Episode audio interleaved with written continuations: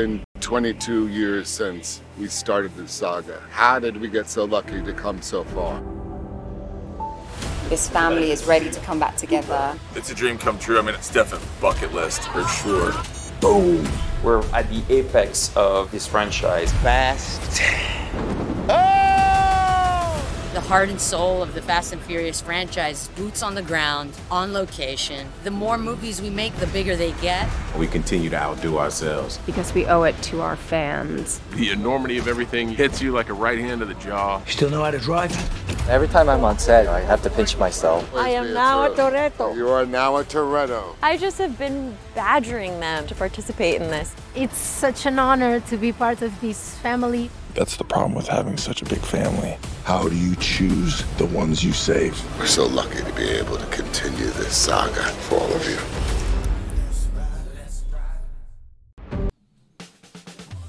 Ćao svima i dobrodošli u najnoviji Lab 76. Nadam se da ste mi dobro, nadam se da će vam biti ovo lepo veče. Navikli ste sredom u 21.00 da budemo tu, možda ne uvek u live-u, ali ovoga puta Kana Grid, gospodin Deki Potkonjak i moja malenkost će vas, nadam se, zabaviti, informisati i ulepšati veče. I iako je pauza, mi imamo puno toga o čemu ćemo da pričamo večeras i mnogo toga, nadam se da ćemo pokreti neke teme koje su nas malo podsjetile koliko godina imamo i koliko treba da se podsjećamo nekih stvari. Juče se to pa i meni desilo u Formuli 2. Ali pre nego što krenemo dalje, uh, imamo par stvari o kojima hoćemo da porazgovaramo i volimo da pričamo o lepim stvarima, nažalost moramo da pričamo i o nekim stvarima koje nisu tako lepe. Dakle, pretpostavljam da većina vas koji, koji ste ljubitelji automotosporta i većina vas koji ste zapravo da kažem, deo jedne posebne zajednice, ne mogu kažem posebne, ajde, to ne bi bilo lepo, pošto bi to značilo da su neke druge zajednice manje posebne, ali vi ste deo neke ekipe koju mi svojatamo, ljubitelja automotosporta, I ono što želim da kažem jeste nešto što se desilo juče zapravo. I nažalost ostali smo bez Mirka Rašića, pretpostavljam da Većina vas zna ko je zapravo neovlašćeni serviser, ukoliko ne znate, potražite YouTube kanal Mirkov, prosto čovek koji je u poslednjih nekoliko godina uspeo da mnoge inspiriše, pokrene, informiše, zabavi, usreći i tako dalje i tako dalje. Par stvari bih rekao. Prva stvar jeste da možemo samo da izrazimo saučešće porodici i njegovim voljenima. Zaista jedan mlad život je ugašen mnogo pre vremena, 33 godine je imao. S druge strane, bih sve zamolio za, ajmo da se potrudimo da budemo, kao što uvek kažemo, ljudi, da sačekamo bar neki period pre nego što se nastavi sa pričom o tome da li se šta se desilo i tako dalje, ukoliko se to nas uopšte tiče. Mnogo je teorija, zaver i tako dalje. Ajmo da ispuštujemo pre svega porodicu koja je iza njega ostala, njegove voljene, bliske ljude i sve koji su podguđeni ovom tragedijom i sačekamo sa bilo kakvom daljom pričom. Sahrana inače zakazana za petak, ako se ne veram u 12 časova i 30 minuta.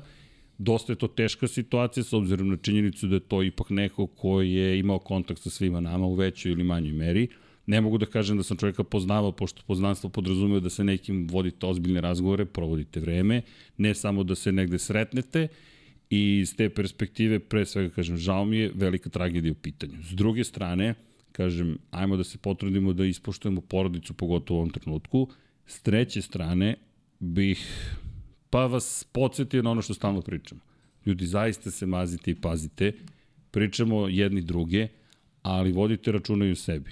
Nažalost, desilo se da je sam sebi oduzeo život i iz te perspektive ne mogu ni da zamislim šta ga je navelo i nateralo da povuče tako dramatičan potez, ali bih da se obratim svima koji se osjećaju ponekada nedovoljno dobro, umorno, pod pritiskom, kako god, da pre nego što povuku bilo kakav tako dramatičan potez zastanu sekund.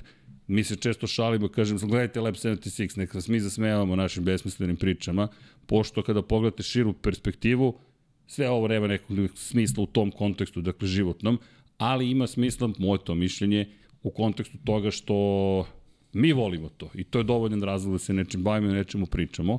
S druge strane, postoje, svi smo imali, nažalost, mi malo stariji situacije u kojima smo gubili neke bliske ljude, pošto su, nisu više mogli da izdrže. I iz te perspektive, Ja bih iskoristio priliku da vam kažem, ljudi, ukoliko se osjećate loše, nije sramota otići kod psihoterapeuta, psihijatra, pozvati nekoga u pomoć i reći, ej, ne osjećam se dobro, ne mogu više da izdržim. Šta god da je u pitanju, vi vredite nekome. Ako nikom drugom nama vredite, i nas je to dovoljno, ako nekom nije, ne mogu da ponudim više od toga, ali verujte, vredite. Neko, neko vas voli.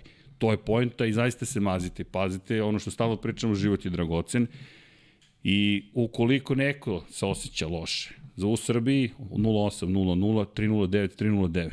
To je SOS telefon koji radi 24 časa dnevno. Dakle, imate opciju kome da se obratite. Nemojte da mislite da to tamo samo neki stranac, neka devojka, momak koji tek tako je tu slučajno, nisu. Vrlo su to empatični ljudi i ja vas generalno pozivam, eto, samo da vodimo računa ili drugima i kada je reč o ovoj tragediji, ajmo i da ne kopamo dalje, u ovom trenutku ajmo da ispuštujemo sve što se dešava, pre svega sa, kažem, bliskima, porodicom i da pokušamo da, da i tu pokažemo humanizam koji mislim da je krajnje neophodan.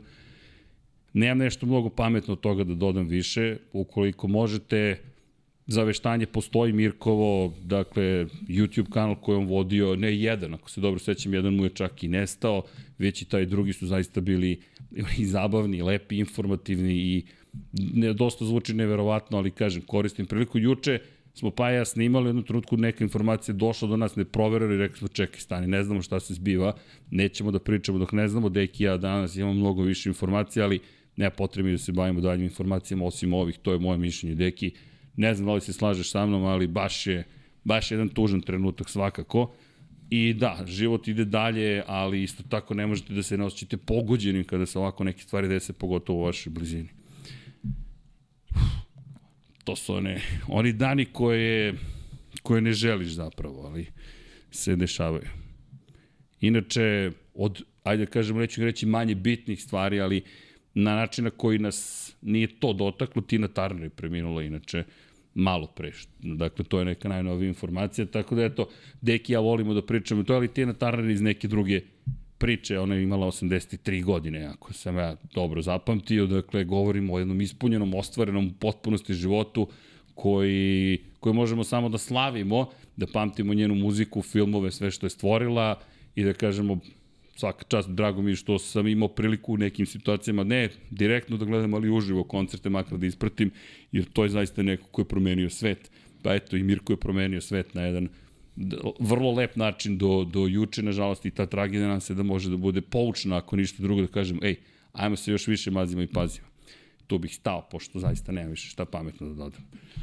Deki, šta ti kažem, drago mi da te vidim, nije baš onaj dan kojem smo se nadali nužno, i ne zamerite, mi ćemo, ja ću se svako potruditi da pričamo o onome što smo isplanirali danas, pošto da, život zaista ide dalje i neke stvari se dešavaju koje nas ispunjavaju, pa se radamo da će ta vrsta eskapizma da nam negde pomogne, pošto i tu negde pobegnemo neke teme koje su manje bitne, ali svakako ljubav prema motociklizmu i dalje pro, ne provejava, nego je jednostavno toliko jaka da ćemo i danas raditi i nadam se eto da ćemo vam ulepšati veče.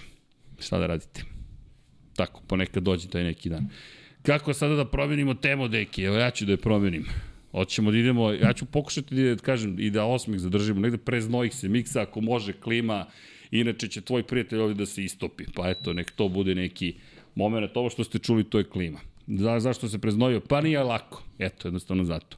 Ali nas se će Toprak razgatli oglu da nam da dovoljno zabave u narednih pa i šest meseci u Yamahi i naredne godine u BMW-u, da ćemo moći da pričamo o nekoj novoj eri u Superbajku. I to je jedna od glavnih tema večeras, pošto standardno Moto Grand Prix kada se razbeže sa staze, kada dobiju pauzu, ne možete da ih pohvatate. Vesti vrlo slabo ima. Ne zameramo im, samo konstatujemo sada već, a s druge strane imamo i situaciju u kojoj Toprak odjednom pa ovo je na nivou, jedne, na kada neko kaže bacio bombu informativno. Ovo je zaista ta, tog tipa, šuškalo se da planira da ode Toprak razgledati oglu BMW, pričat ćemo večeras i o tome ko je Toprak razgledati oglu, šta uopšte traži BMW u Superbajku, pošto ga spomenemo povremeno kad tako nabavi nekog vozača, da li ima šansu da ovo uspe, kako se to odnosi sada na Yamahu u Moto Grand Prix i naravno njene vozače i tako, još mnogo nekih zanimljivih stvari. Podsjetit ćemo se i Nikija Hejdena kog smo izgubili pre pet godina, imali smo i taj jubile, ako tako mogu da ga zovem, tako dalje, tako dalje. Deki, take it from me, otmi priču. Nemaš peškir pri ruci. Nemam peškir, Da. bukvalno sam se istopio, ali ćemo dok kadar Dobro, bude na tebi da se potrudimo. dani, da. da, hvala Da. ti, vadiš me na tople dane. Pa boga mi danas je bilo onako prilično sparno. A, danas je bilo više nego sparno. Danas je Miksa neće da vrati kadar na mene. Kako je fin Miksa? Slobodno vrati. Kad sam se već... Bacite taj kotor, bacite. E, o, ajmo, ajmo. Iz behind the scenes. Uživo behind the scenes. Ovaj ubrus će da radi dok Deki bude pričao.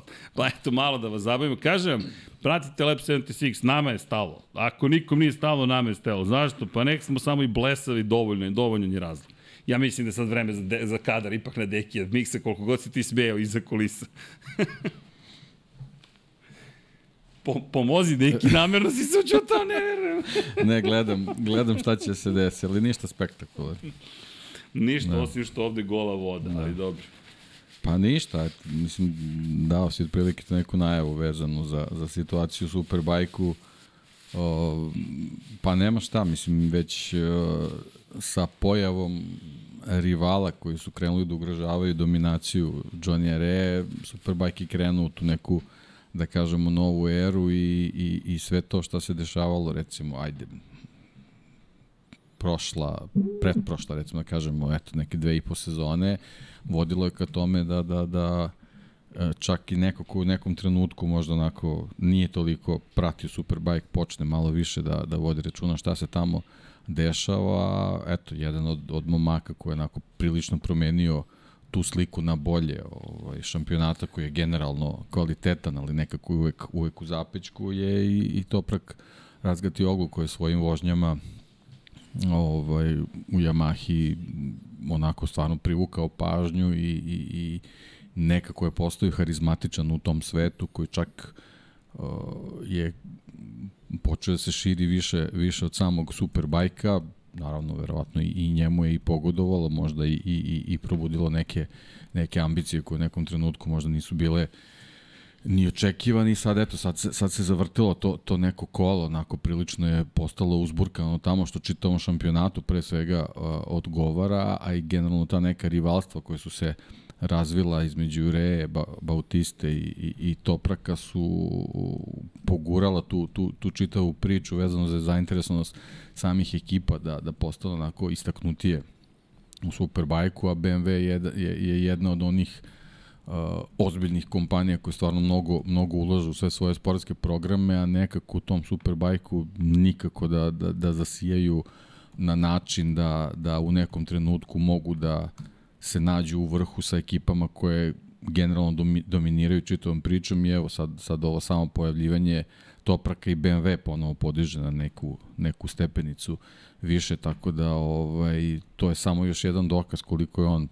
pre svega velika motociklistička zvezda, ne samo zvezda, zvezda Superbajka, tako da sad kreću te priče, vidjet ćemo ovaj, kakvi su planovi, kakve su ovaj, ambicije BMW-a, mislim znamo da su onako pretpostavljamo da su najviše šampionske pobedničke, ali vidjet ćemo šta to može da, da donese u priči sa Toprakom. Da, apropo Topraka, ajmo da, da malo prođemo kroz istoriju, dakle, kada govorimo o svetskom šampionatu u Superbajku, mada, pre nego što nastavim, mogu da iskoristim, evo, da, da, da, da, da Da uradim jedno, da uradim jednu lepu stvar. Miksa, može, molim te, ovo je inače Mihajlo Stefanović, naš dragi prijatelj Miksa, ovo je njegova prijateljica koja se bori za život. I da, apsolutno hoću da, da, da, da svi pomognemo. 1492 pošaljemo na 3030 koji u Srbiji, koji je van Srbije, možete to da učinite na primjer iz Švajcarske ukoliko upišete Human 1492, pošaljete SMS na 455.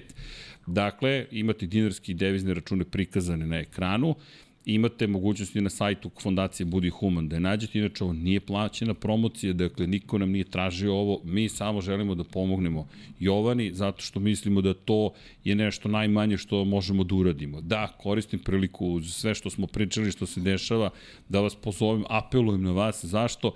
Ljudi, dok smo ovde, ajmo da se trudimo da, da, da pomognemo. Nemam šta drugo pametnije da vam kažemo, devojka ima tumor na mozgu i svako malo, verujte, znači. Dakle, prosto bije bitku, ajmo mi da je podržimo, da je pomognemo i kažem malo i ličnije ponovo, i borili smo se za Maju Nešinu, nismo tu uspeli da, da, da, da, da, da pobedimo u toj bici, ali neke bitke smo dobili, tako da eto, ja vas pozivam na to pre nego što nastavimo, prosto ajmo da ajmo ljudi da da iskoristimo snagu koju imamo svi zajedno jer ja duboko verujem u to. Ništa drugo nemam pametno, kažem, ništa vam ne prodajem, ništa ne kupujem, ajmo budemo stvarno humani i to je to.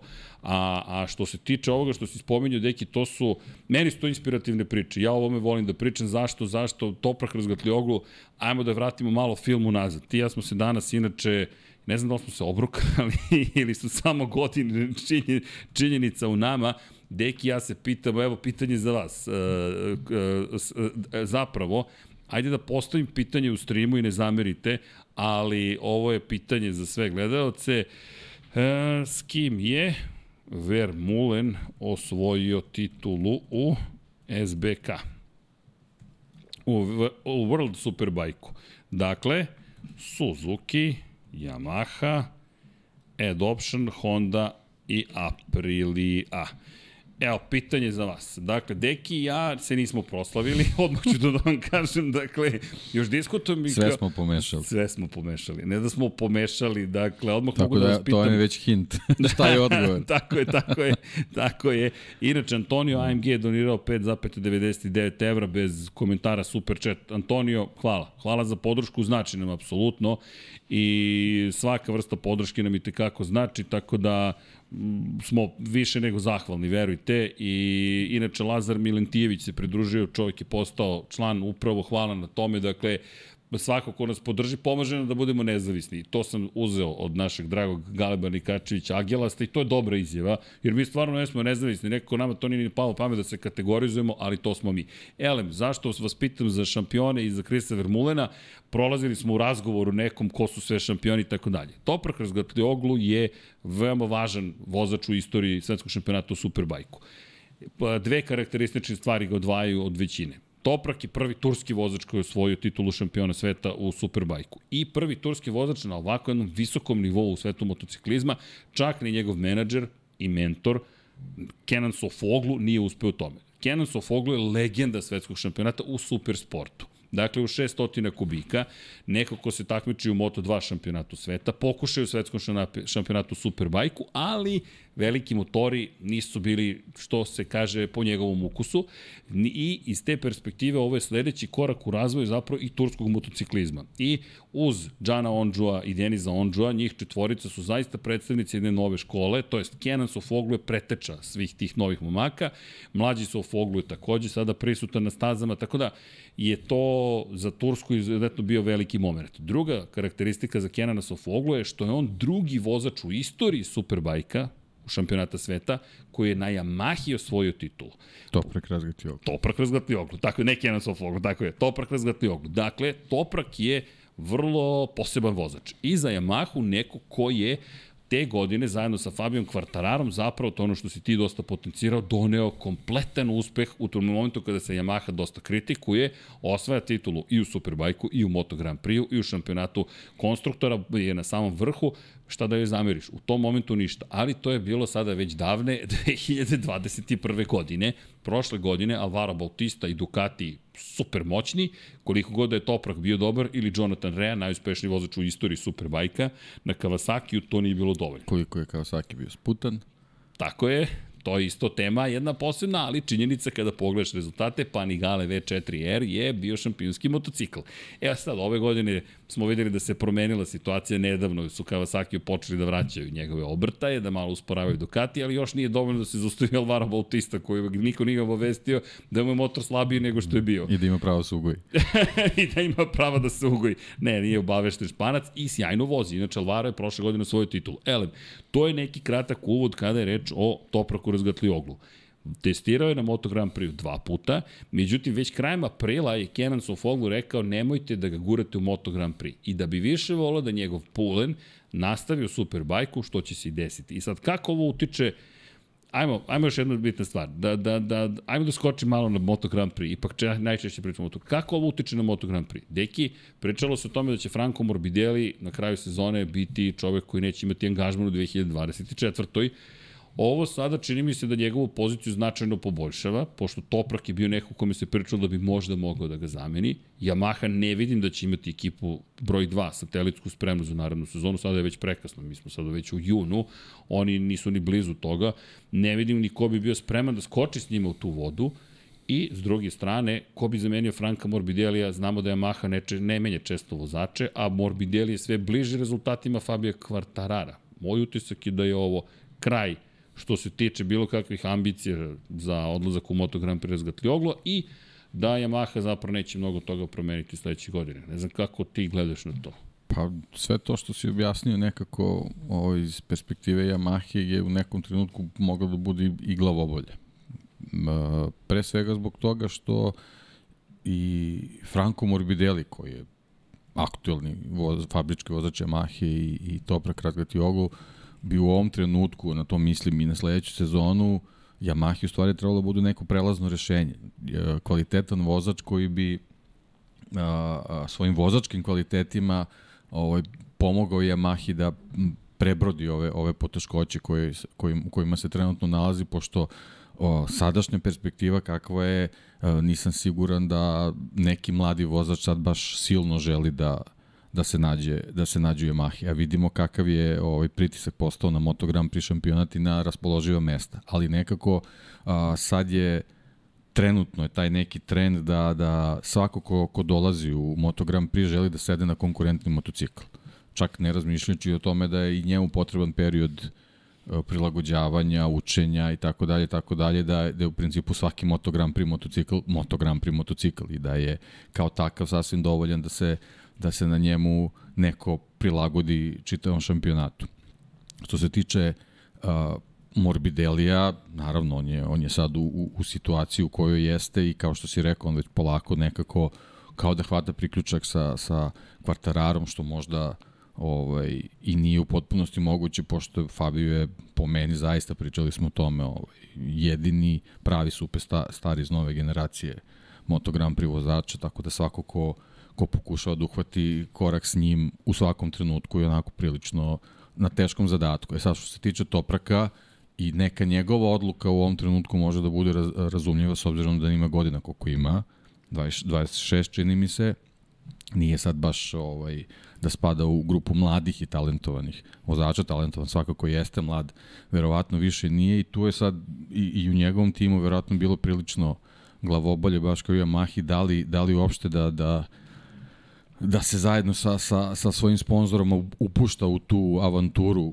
kako bi bila ovaj, nastup Moto Grand Prix u sledeće, sledeće sezone, ne znajući kakav će motocikl Yamaha da ima ili njemu a, neuspeh u Moto Grand Prix bi samo mogao da, da odvede čitavu karijeru na stramputicu. Ako sa druge strane u Superbike šampionatu on je svoj na svome i generalno ovaj prelazak u, u BMW u nešto što je takođe onako nepoznanica je prilično bezbolnije u odnosu na ono što može da mu se desi u Yamahi Moto Grand Prix, a sa druge strane eventualni uspeh na BMW-u koji čitav BMW očekuje već dugo bi za njega značio neko etabliranje u grupu tih velikih zvezda koji su se pojavili u Superbike, on to definitivno i jeste, samo bi, samo bi učvrstio svoju poziciju. Da, inače, samo da kažem, znaš koliko ljudi je odgovorilo 40%, zapravo ljudi je odgovorilo da je Suzuki bio motocikl s kojim je Vermulen osvojio titulu, 26 je odsto, odsto reklo Yamaha, Honda 19 i Aprilia 15.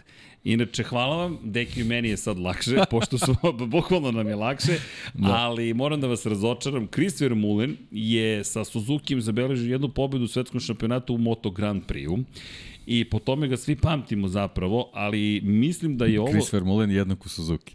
Bukvalno čovjek je jednako Suzuki, dakle, da. mi ovde govorimo I o... I Rizla, i Šeširić, i sve. Mi, mi pričamo o Chrisu Vermulenu, mi smo, mi smo ovde napravili ajde, mali, ne znam ja kako bih to nazvao, trik, dakle, mi, mi smo, ne zamerite, prevarili zapravo, s obzirom na činjenicu da kada pričamo o Krisu Vermulenu, mi pričamo o čoveku koji pa ne znam, on je stasao u Superbajku, međutim on zapravo ta jedna pobjeda kao da je veća od bilo svega drugog što je učinio. Inače nikad nije bio šampion Superbajka, ne zamerite, malo smo vas prevarili, bio je vice šampion na Hondi. I nikad nije sedao na Suzuki u Superbajku. Tako je, i nikad nije sedao na Suzuki u Superbajku, proveo je dve sezone na Hondi i bio je vice šampion 2005. godine, vratio se 2010. na Kawasaki, ni tu nije imao mnogo uspeha, proveo dve sezone na Kawasakiju. Šta smo hteli da pokažemo da nismo toliko matori za početak, to je prva stvar. A druga stvar jeste zapravo koliko asocijacija onoga što uradite u Moto Grand Prix je jaka. Dakle, Chris Vermeulen jednako Suzuki, čovek nema veze sa Suzukijem u Superbajku. Honda i Kawasaki i vice šampion, nikad nije, nikada nije bio šampion. Iako je u poteri bio te 2005. da se domogne titule šampiona sveta, nije mogao. Troj Corser je inače čovek koji je na Suzuki osvojio te godine titulu, čisto... I tako je u stvari počela naša tako priča. Tako je počela naša priča, s obzirom na činjenicu zapravo je Troj Korser osoba koja nam je tekako važna za celu, celu, celu priču koja je pred nama. Šta se desilo 2005. On je došao zapravo sa Petronasa, inače on je zvanično vozio Petronas. Pre toga došao na Suzuki, osvojio titulu, ostao na Suzuki još jednu sezonu, prešao na Yamahu, probao dve godine na Yamahi Troj Korser. Za oni koji ne znaju, to je legenda. Čovjek je Ducati Suzuki osvojio titulu, Troj Korser, to je Znate, kad pričate o Troju Baylisu, odmah pričate o Troju Corseru. U jednom momentu su oni bili izjednačeni u Australiji.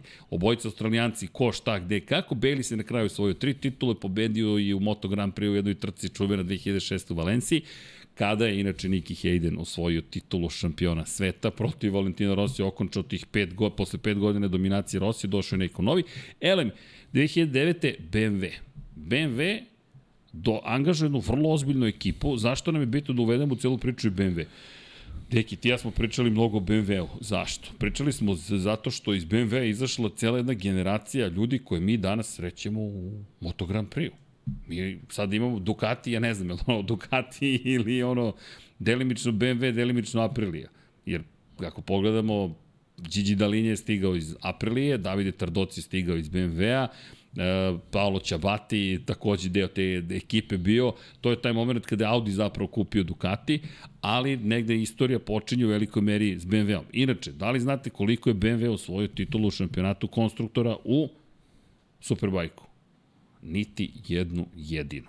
Dakle, mi pričamo o, o, o proizvođaču koji kao da je nevidljiv. Zapravo, ti kada, ja ne znam ni šta bih ti rekao za BMW trenutno u Superbajku osim da se nešto pokušava da se postigne, ali ti kada pogledaš BMW... Da, ali kad se izgovori BMW, uvek je nekako sa poštovanjem se Tako izgovara, je. iako oni nisu ostavili neki spektakularan trag, evo već 13 sezona. E, a ti, mi pričamo o motociklu koji, inače ne ulazimo u ulične motocikle, poređenje koji je bolji, nije bolji. Samo pričamo o BMW u tome šta je postignuto za investiciju koju imaju. Ono čega sigurno imaju jeste para. Dakle, nemojte da brinete, bit će plaćen topar kroz oglu. Ali ajmo, deki, čuvena pitanja kod tih transfera. Ideš zbog para ili ideš da nastaviš da budeš neko ko se bori za titul. Meni deluje da Razgatlioglu želi da postavi par stvari. Svakako će biti plaćen, treba da bude plaćen. To ne bih nije nešto previše isticao. Prva stavka, mislim da hoće da bude deo istorije. Da naprave nešto novo. Koliko god je bilo malo Yamahinih šampiona, nikad niko nije osvojio titulu sa BMW-om. I BMW ne izgleda kao izbor prirodni koji ćeš da povučeš i kažeš, ideš sigurno. Sigurno bi bilo da ideš na Ducati pa čak i Honda deluje kao bolji izbor u odnosu na BMW, ali on je odlučio da ide u BMW. Gerrit Gerolf, Loris Baz, 76-ica ove godine u šampionatu za BMW, Scott Redding, Michael Van der Mark, Tom Sykes, Ivo Miguel Lopez se tu spominju, ali e, i pričamo o BMX Racingu, da ne zaboravim, Ruija, Gabriela Ruija, koji je takođe nastupao ne u svim trkama, ali suštinski mi ovde pričamo o Scottu Reddingu i Michaelu Van der Marku. To je zapravo ekipa koja predstavlja BMW. BMW u ovom momentu, najbolje plasirani vozač BMW-a je Gerrit Gerlof, najbolja pozicija u celoj ovogodišnjem šampionatu u trkama je sedmo mesto u sprint kvalifikacijama u Barceloni. Pa eto ti odgovor zašto im treba Toprak. Dosta jednostavno. Želiš sa, svojim, sa svojim talentom da bar donekli ubrza taj motocikl ako, ako neće biti u mogućnosti da ga u početku tehnički ubrzaju. Je. Verovatno je to računica. Ako su sadašnji vozači na nivou 6. 7. 8. mesta, Toprak će bar eventualno Nisu... se bori za, za neki podijum. Gerlof je 13. u šampionatu sveta. Dakle, ne daleko, nego predaleko, a čovek koji se pre par godina borio, jel te Scott Redding za najviše pozicije. Gerard Gerlof je čovek koji takođe ovaj, se pojavljio u Moto Grand Prix, takođe Jeste. bio Yamahin čovek. U Yamahi se pojavljivao, čak važi, ja to istorijska ličnost. Michael van der Mark, takođe. Inače, Izvini, ili znaš da je Gerard Gerlof jedini vozač u istoriji koji je pobedio, koga Valentino Rossi nikada nije pobedio. Da to je jedna od onih besmislenih statistika, pošto je Rossi vozio jednu trku protiv, protiv Gerlofa i Gerlof je bio bolje klasifikovan od Rossija, zvanično je, zvanični podatak je da to je jedina osoba koju Rossi nikad nije pobedio. Ok, ako je, eto, to neki, na, ne, nije mali uspeh, kaže, ja sam pobedio, izvini. Ali da se vratimo na Scotta Redinga, Reding koji je iz britanskog Superbike šampionata stigao kao šampion, jer njegov putanje je išlo iz aprila i izašao 2018. neki drugi april odnosno na ovu današnju Moto Grand Prix, otišao u Ducati, iz Ducati ima svoju titulu, prešao u Ducati, 20. i 21. probao u Ducatiju, bio drugi, i treći u šampionatu i onda otišao u BMW. S BMW-om on još uvijek nema pobedu. Ukupno je tri puta stajao na pobedničkom postolju u prethodnoj i ovoj sezoni I sada dolazi velika zvezda Toprak razgatli oglu, jer očigledno da ovaj eksperiment ne funkcioniše trenutno. Niti za Redinga, niti za BMW. To je utisak kada pogledamo trenutnu situaciju i ovaj razgatli ovu potus je zaista velik. I zato mu i posvećamo pažnje, smatramo da Toprak to zaslužuje. Vrlo je Vrlo je jednostavno zapravo i to ono čemu smo pričali već i pre, ne mislim, 7 dana ili pre dve nedelje, mogu 67 dana i tako brzo prolaze, da smo spominjali da se šuška da bi mogao da ode iz Yamahe u BMW, ali to smo samo kao usputni komentar dali. Ovo je baš veliko potpisivanje. Pa jeste, mislim to sad može da se gleda i sa te neke marketinške strane, mislim BMW generalno zbog svog Superbike programa ovaj, uličnim motociklama izuzetno mu je važno da, da ovaj, m, bude prisutan u šampionatu, ne, nema, nema sumnje, svi, svi veliki proizvođači se nalaze tamo, ovaj, a samo dovođenje Topraka verovatno otvori neka nova i neka nova tržišta što je u ovom trenutku izuzetno bitno svima u, u ovoj nekoj, nekoj nekim novim globalnim ekonomskim ovaj postavljanjima i i i ovaj raspodelama.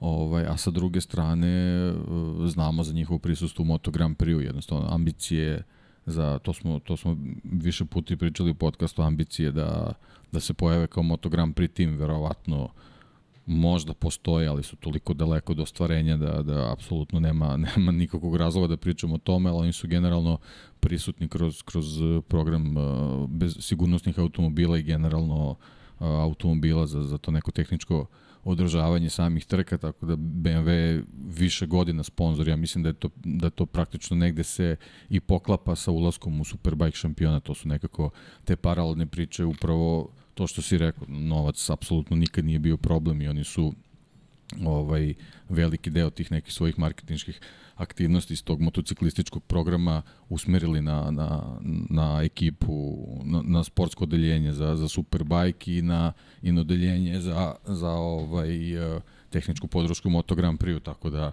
oni su tu, prilično su prisutni i jednostavno sad je možda eto neki trenutak da da imaju zvezdu u svojim redovima i sad kad se pogleda taj, taj neki istorijat po tom nekom rejtingu, nekom imidžu koji ima BMW do sad nije imao tako velikog vozača kao što je to prekraskati okolo. Troj Corsair jeste, u tom trenutku je zaista bio, ali recimo to je bio neki trenutak kad je BMW krenuo u, u čitavu tu Superbike priču 2010. godine, ovaj, bila, naravno bio je, bila je velika veza Superbike, a opet sa druge strane tu je bila Aprilija koja je u priču ušla sa Maxom Bjađijem i jednostavno ukrala show u potpunosti što se, što se toga tiče, posebno što, što BMW nije, nije od početka imao te rezultate koji su očekivali njima je za tu prvu godinu, koliko se seđam takve 2010. bilo jako važno da se, da se uopšte nađu na podijumu, tako da i Corsair i Ruben Jaus koji je bio u tom trenutku drugi vozač u stvarno imali izuzetno, izuzetan težak posao, tako se, jednostavno tako se ispostavilo. Ovaj, BMW se tu praktično oslonio na ekipu koja je došla iz Ducatije, predvođena Davidom Tardocijem i obojicom vozača koji su bili u toj čitovi priči sa Ducatijem, a Tardoci u tom trenutku došao pre svega kao čovek koji imao, imao ozbiljan imidž kao takmičar u Superbajku, a onda i čovek koji je praktično učestvovao u, u tom nekom šampionskom razvoju Ducatija, bukvalno počevši od uh, Karla Fogertija, pa ovaj, uh, sa, sa čitavom plejadom vozača koji su u tom trenutku osvajali titul Jamesom Tozlandom i tako dalje, tako dalje, tako da jednostavno BMW je pokušao da iskoristi taj Ducatijev recept sa vozačima i Tardocijem, međutim, mislim da je Hauser se zvao čovjek koji je bio, bio šef tog čitavog programa, međutim i Hauser i Tardoci su m, vrlo brzo, posle samo par meseci, ovaj, praktično napustili tu priču, ovaj, kasnije se ispostavio da je Tardoci pre svega zbog tog neki, nekih novih planova Ducatija u stvari o, jednostavno prihvatio ovaj, da, da se vrati u svoju prvu ljubav i tako dalje i tako dalje ovaj, i eto tim, tim nekim raspadom tog nekog vrha samog što se tiče menadžmenta i ta možda BMW-ova priča nije nije krenula da, da se razvija tom brzinom kako je planirano i onda se to posle malo, malo i razvodnilo, ali oni su generalno uvek su bili prisutni ovaj, u šampionatu, trudili su se da, da, da uh, imaju u, u tom vozačkom pogonu uh, takmičare koji su u tom trenutku i kvalitetni, međutim nikad nisu imali, kad se gleda sa tog nekog marketinškog aspekta, nisu imali tako veliku zvezdu troje Korsera, tako da mislim da, da ovaj, ovaj korak sa Toprakom u stvari pokazuje kakve su njihove pa, ambicije u nekom predstojećem periodu. Evo, zanimljivo, Stevan Zekanović, pozdrav za, za Zeku, kaže, ne razumijem to potpisivanje, BMW nema ambicije da bude šampion i ne da pare za to. Već samo da prodaje S1000 RR i da nastaje tradiciju tog imena BMW koji je deki pomenuo. Inače, S1000 RR se pojavio upravo 2008 mi nek ponekad i zaboravimo, više podrazumemo, ali Superbike šampionat je zasnovan na uh, vozilima koje možete da kupite za otvoreni saobraćaj. Dakle, to je nekada bilo striktnije mnogo pravilo i morali ste 25.000 da imate proizvedenih komada da biste imali pravo uopšte da učestvujete u šampionatu sveta Superbajku, jer to nisu prototipi zapravo. U biti to nisu prototipi, ali kada pogledate, ti pro, prototipovi zapravo su tu na ni, gotovo pa nivou Moto Grand Prix u nekim situacijama. Pitanje je metala, šta smete da menjate, koje ligure smete da koristite, koje delove smete Kao da zamenite. Kao kaže da su te DTM automobili bili serijski. da, da, da, da, da, pogledaš ih i kao, e, šta je ovo, ovo niko ne vozi, ne. A šta ćemo ovo krilo, a šta ćemo ovo generično vladni, cijela priča je kao bolicu izgledali u DTM-u, slično je sa Superbajkom. To nije baš tako blizu uličnog motocikla kao što se čini i verujte, ne biste mogli da uzmete Počelo je tako, tako ali... je, da, ali... Otešlo je how it began. na neku stranu, da. how it's going, da, da, da. To se dosta promenilo. Činjenica u biti to jesu ulični motocikli, čak i ova verzija koja se zvanično vozi u šampionatu svetu Superbajku, ne ta bukvalno, ima oznaku M, M1000RR i to je nešto što je pre par godina BMW uveo, inače to se nikada ranije nije dešavalo za motocikle. M je bio rezervisan za automobile i to se zna. M klasa BMW-a je jedna posebno trkačka rasna, zapravo možemo reći ergela u okviru BMW-a i Bavarci su o tome vodili dosta računa. Sa M1000RR počinje nešto novo. E sad, ovo su samo nagađanje s moje strane, nemam pouzdane informacije. I inače Davor Uhlir kaže za, za, za, za Krisa Vermulena da je e, šta, šta je reč da je bio šampion sveta u supersportu. Uh, nisam čak siguran da bio sam pio sve to super sport ovako na pamet da vam kažem, ali čisto je sad da proverim, jeste, jeste, 2003. eto sa Hondom. Negde je bio šampion, ok. E, jer znam da smo se neke... Čekaj, Svako slučaj nije Suzuki. Nije Suzuki, ali to je to, na, nema nigde Suzuki u njegovoj karijeri kao nešto zbiljni, ali je pobedio na Alemanu po kiši 2007. i to je bilo to. Elem, da se vratimo na ovu priču. Dakle, deluje Sad ovo je samo nagađanje na osnovu svega. Dovođenje Scotta Reddinga, sada potpisivanje sa Toprakom, da bi možda BMW mogao da najzad bio spreman da nešto više učini. Možda, uz sve te priče, Carmelo Espelete spominju da su na korak od toga da se uključi novi proizvođač u celu priču. Možda je ovo, posle, možda je plan zapravo sledeći. Idemo u pokušaj da osvojimo titulu, all in da se osvoji titulu u Superbajku. Nažalost, obično posle toga usledi gašanje programa u Superbajku i novac se prebacuje u Moto Grand Prix, gde je KTM koji je imao Superbike model, inače za moje gabarite 1,92 i 100 kusur kilograma, taj njihov Superbike je ulični, verujte, jedna od redkih mašina na kojoj sam ja se osjećao kao da nisam detetu ukrao motocikl, zaista.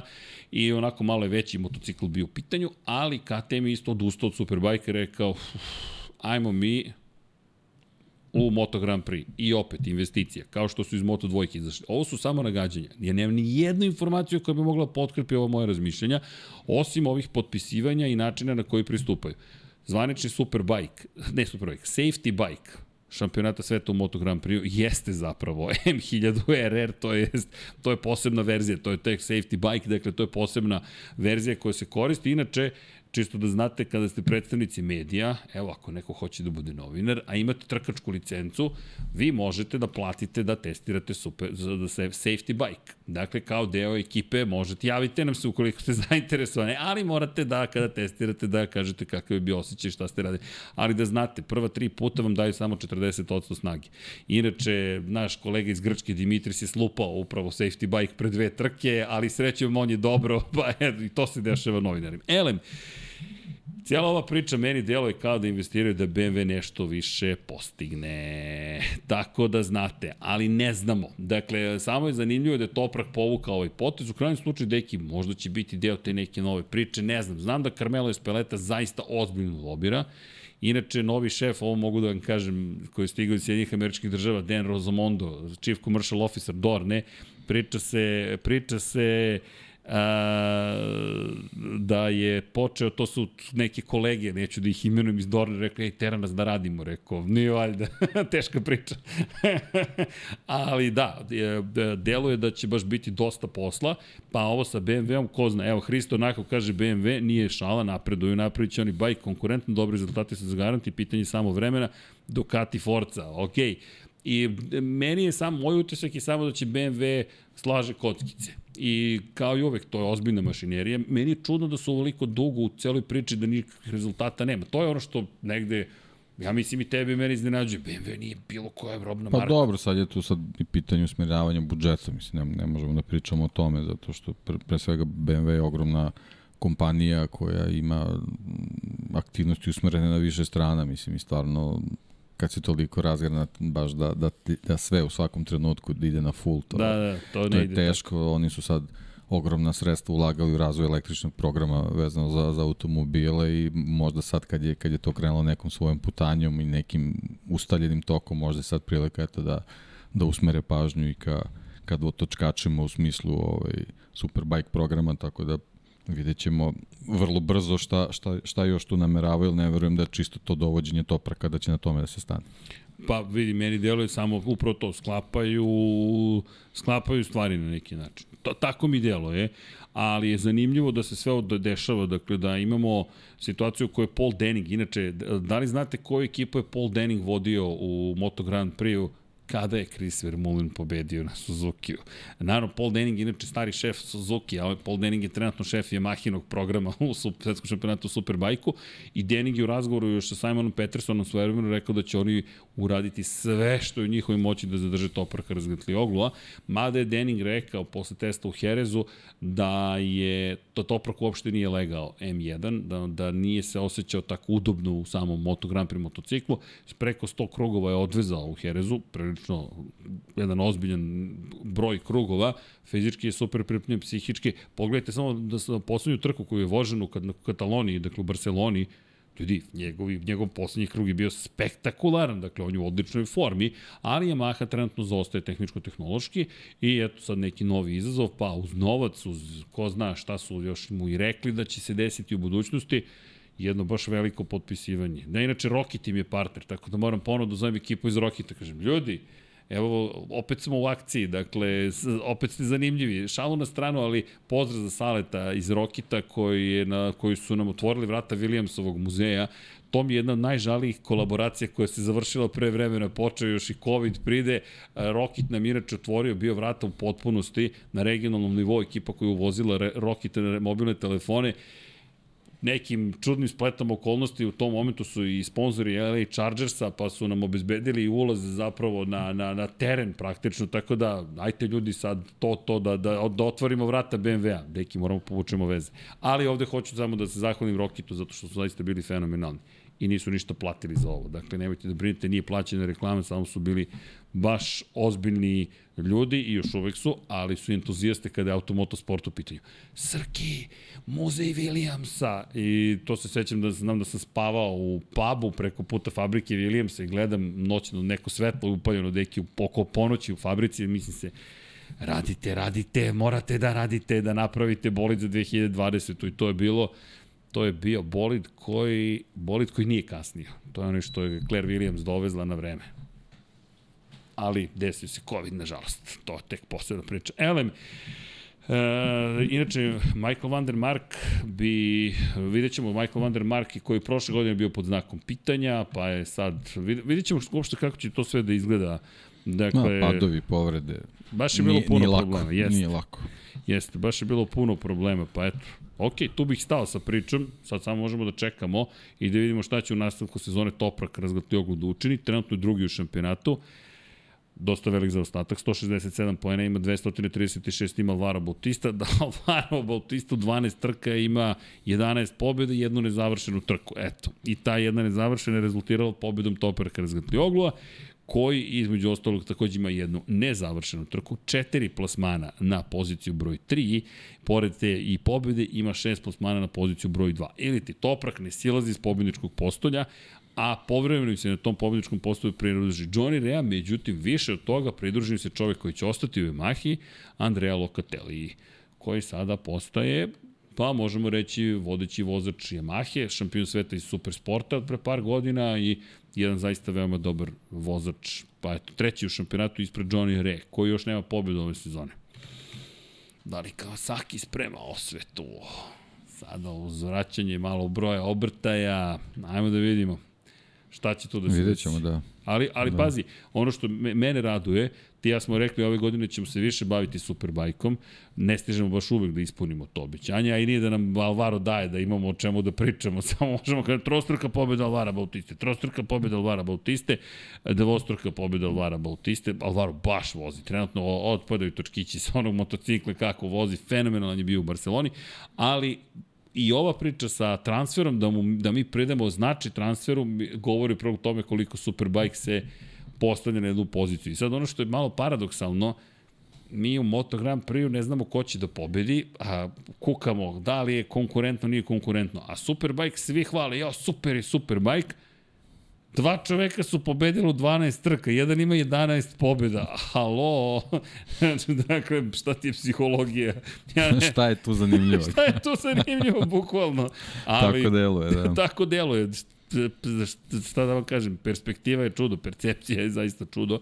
Inače, Emilija Romanja će biti domaćin zapravo sledeće trke. Idemo u Mizano, staza Marko Simoncelli, 3. 4. jun, pa eto, spremite se, steže i ta trka vikend pre Muđela, trkanje baš će biti onako na jednom visokom nivou kada je reč o motociklizmu u Italiji i onda je jedna ogromna pauza. Nevjerojatno su mi pauze 6. i 7. maj, pa 3. 4. jun, pa 1. 2. jul.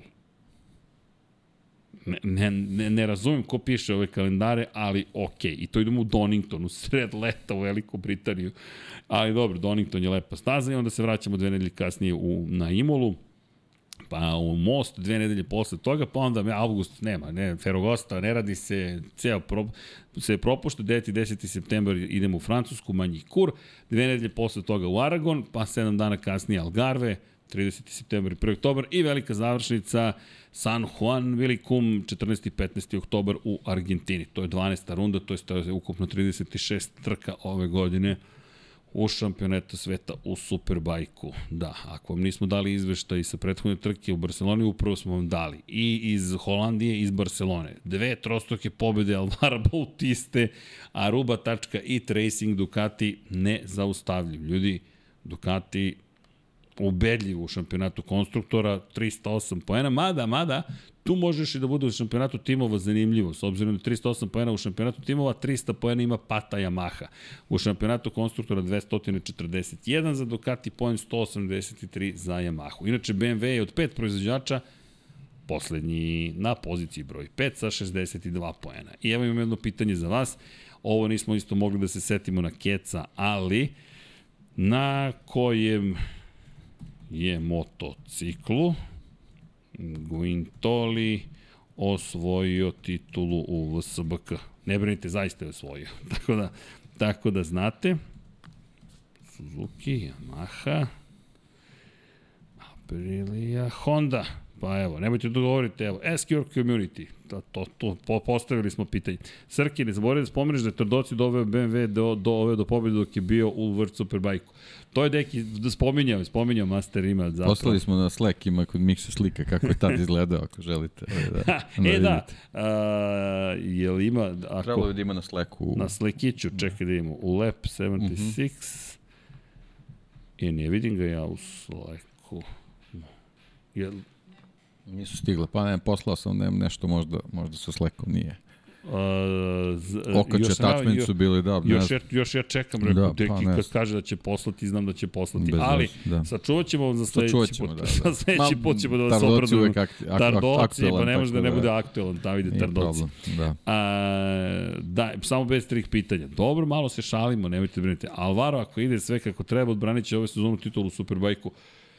Ljudi, trenutno ja ne vidim kako da ga zaustave. Zaista. Jedino Johnny Rea Kawasaki odjednom da izrone posle sad ovih promjena i kažu evo nas, vratili smo se, ali to, to, to nije tako, tako crno-belo. Inače, da vidimo, Silvan Gintoli, s kim je osvojio titulu?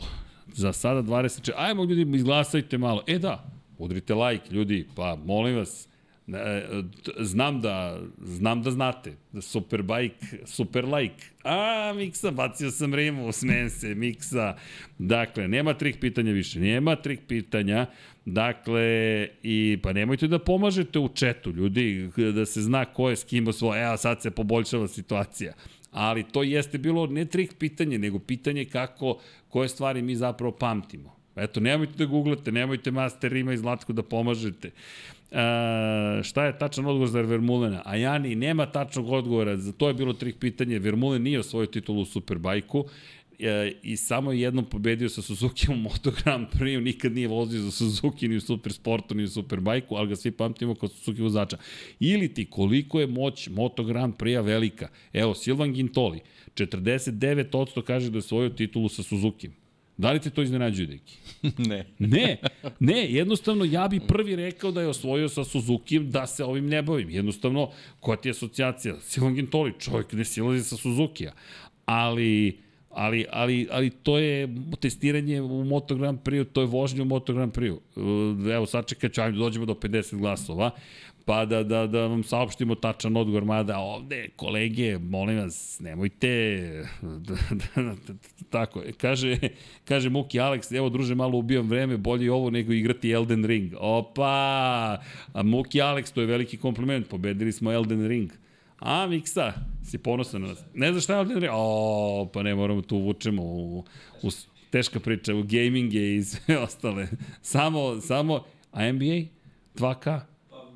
Može, NBA i NFL-a. I? I školsko dvorište. Ko će ove godine biti šampion u, na Isle of Man TT?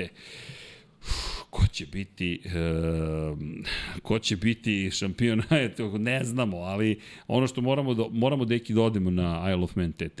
To je bucket list, dakle da se snimi ceo specijal kako uopšte doći do Isle of Man, šta tamo raditi, kako se ponašati i tako dalje i tako dalje. E da, ima još jedna bitna stvar koju bih iskoristio deki kad smo zajedno i tiče se cele ove priče Superbike, pa sad pričamo o Inače, evo, skače malo procenat. Evo još jedan glas, evo 50. 38% je reklo Suzuki, 22 Yamaha, 28 Aprilia i Honda 12. Gintoli je osvojio sa Aprilijom titulu. Imam dve stvari da kažem. Prvo, Superbike ne može da se poredi s Moto Grand Prix, jednostavno Moto Grand Prix, Moto Grand Prix, svo dužno poštovanje. I druga stvar jeste, koliko Aprilija i svi ostali nisu iskoristili svoj titul u svetskom šampionatu Superbajku da više promovišu svoje šampione. Ja zaista to pripisujem marketičkim timova proizvođača koji od njih nisu napravili zvezde. Ti momci su već zvezde za to što su učinili. Ne moraju i da znaju marketing, nisu svi Valentino Rossi da imaju marketing u genima, da je to, ne znam, urođena neka osobina. Neko je trebalo Gintoli u Aprili da zadrži da kaže mi imamo šampionat sveta u Superbajku. On testira Suzuki čovek. Kako on može da testira Suzuki? Zašto ne testira Apriliju? Zašto je Lorenzo Savadori te zadužen za testiranje Aprilije? Pa možda Gintoli nije htio da bude test vozač u tom oh, trenutku. Da, ko zna, ali... Ko zna. Eto, pa je to, na kraju bilo daj što daš. To su, to su u svakom slučaju... Ali evo, Master ima Ducati lepo radi marketing za Alvara činjenica, tu, tu, tu je neki pomak se nadesio, ali nekako mislim pa, dobro, da i on se kači Pa dobro, i tu je bio dobar tajming, zašto se kačio na, ne, kačio se na prethodnu godinu Yamahi. Aha, misliš Ducatiju je trebalo, dvostruka, da, okay. da, Ducatiju je to trebalo, tako da je ovaj, on to, više Ducati to iskoristi nego sam Alvaro, ali dobro. Njemu se onako posrećilo, da tako kažem. Neka, neka, lepo je to ispolo za njega. E da, i kada pričamo o šampionima, Ali generalno Ducatijevi šampioni u Superbajku su onako prilično cenjeni u fabrici. U fabrici, u, o, to smo pričali par puta, ja ću i dalje da pričam o tome. Ako odete u vozi Fogarty, Ducati, Bayliss, Tousland, to su, to su baš onako momci verujte, koji su onako baš na pijedestalu. Da, pogotovo Bayliss. Meni je to bilo frapantno koliko vole, intimno vole Baylissa. Pa su mu izbacili specijalnu ediciju Bukvalno. motocikla. Ne, ali to je to pre 10 godina kad sam bio prvi put u Ducatijevom muzeju. I sad pričamo i sve super, ma sve, i super i Casey s tome, super i Casey. I super je i, i Karl Fogart, u to vreme najuspešniji vozač svih vremena. Super je on, super i Tousland. Ali Troy Bayliss. Ali Troy, Troy, to je ljubav potpuna, apsolutna ljubav. I ti kaže, a to je godina, pošto je Carlos, i Carlos Čeka imao ogromno platno na, na, na, na, na bokovima fabrike, Čeka koji svoj titul. Haga je bio onako... Haga, jao, ko je čovjek koji nije osvojio nikada Da, titul. ali to je, kao da jeste. Ali kao da jeste. Ja, ja sam Za njih baš kao da jeste, Ne, ne, da. baš je Haga i Haga je dan danas cenjen. Ko pamti Noriyuki Hagu. Nitro Nori. Baš je bio Nitro Nori. E, ali evo vam pitanje sada za vas. Evo još jedno pitanjce, ma danas se malo družimo. U svakom slučaju Suzuki je pobedio u ovoj priči. Ne brinite, spomenut ćemo uh, sve, čisto ćemo da ubacimo, ali evo, ko je poslednji šampion na Hondi u VSBK? Aha, to je sada pitanje. Pa sad, čekajte, da otkucam sve ovo. Dekle. Dobro. Ovde, ajde malo da pomognemo ovde. Ja dok kucam ljudi googlaju, šta? Aha, da, evo reklama. Dakle, stiglo je najnovije izdanje knjige o statistici koja pokriva i 2022. godinu, Werner Hefliger, dakle, sada je u Moto, ovo je za Moto Grand Prix, imate i kompletno za Moto3, Moto2 i Moto Grand Prix kategorije rezultate, zajedno sa nekim novim statističkim kategorijama. Ovo je knjiga, dakle ima svoj ISBN kod Wernera Hefligera, to malo zbiljnije. Dakle, novo izdanje, da, znamo da su one iz godine u godine se menjaju, pa one prethodne postanu zastarele, ali za nas sladokusce kada se reče o podacima i rezultatima, mi ćemo nastaviti da ih uvozimo i prodajemo zato što je to deo neke lepe priče. Tako da, eto, ko želi da kupi, podrži ekipu, imate na sajtu 4976 dinara košta, izdanje je za 2023. Malo to dok prođe carinu, poštu, papire, uvoz i sve ostalo stigne do nas, ali to je i hvala Miksa na tom podsjetniku. U svakom slučaju nisam završio i, i da napišem John Kočinski.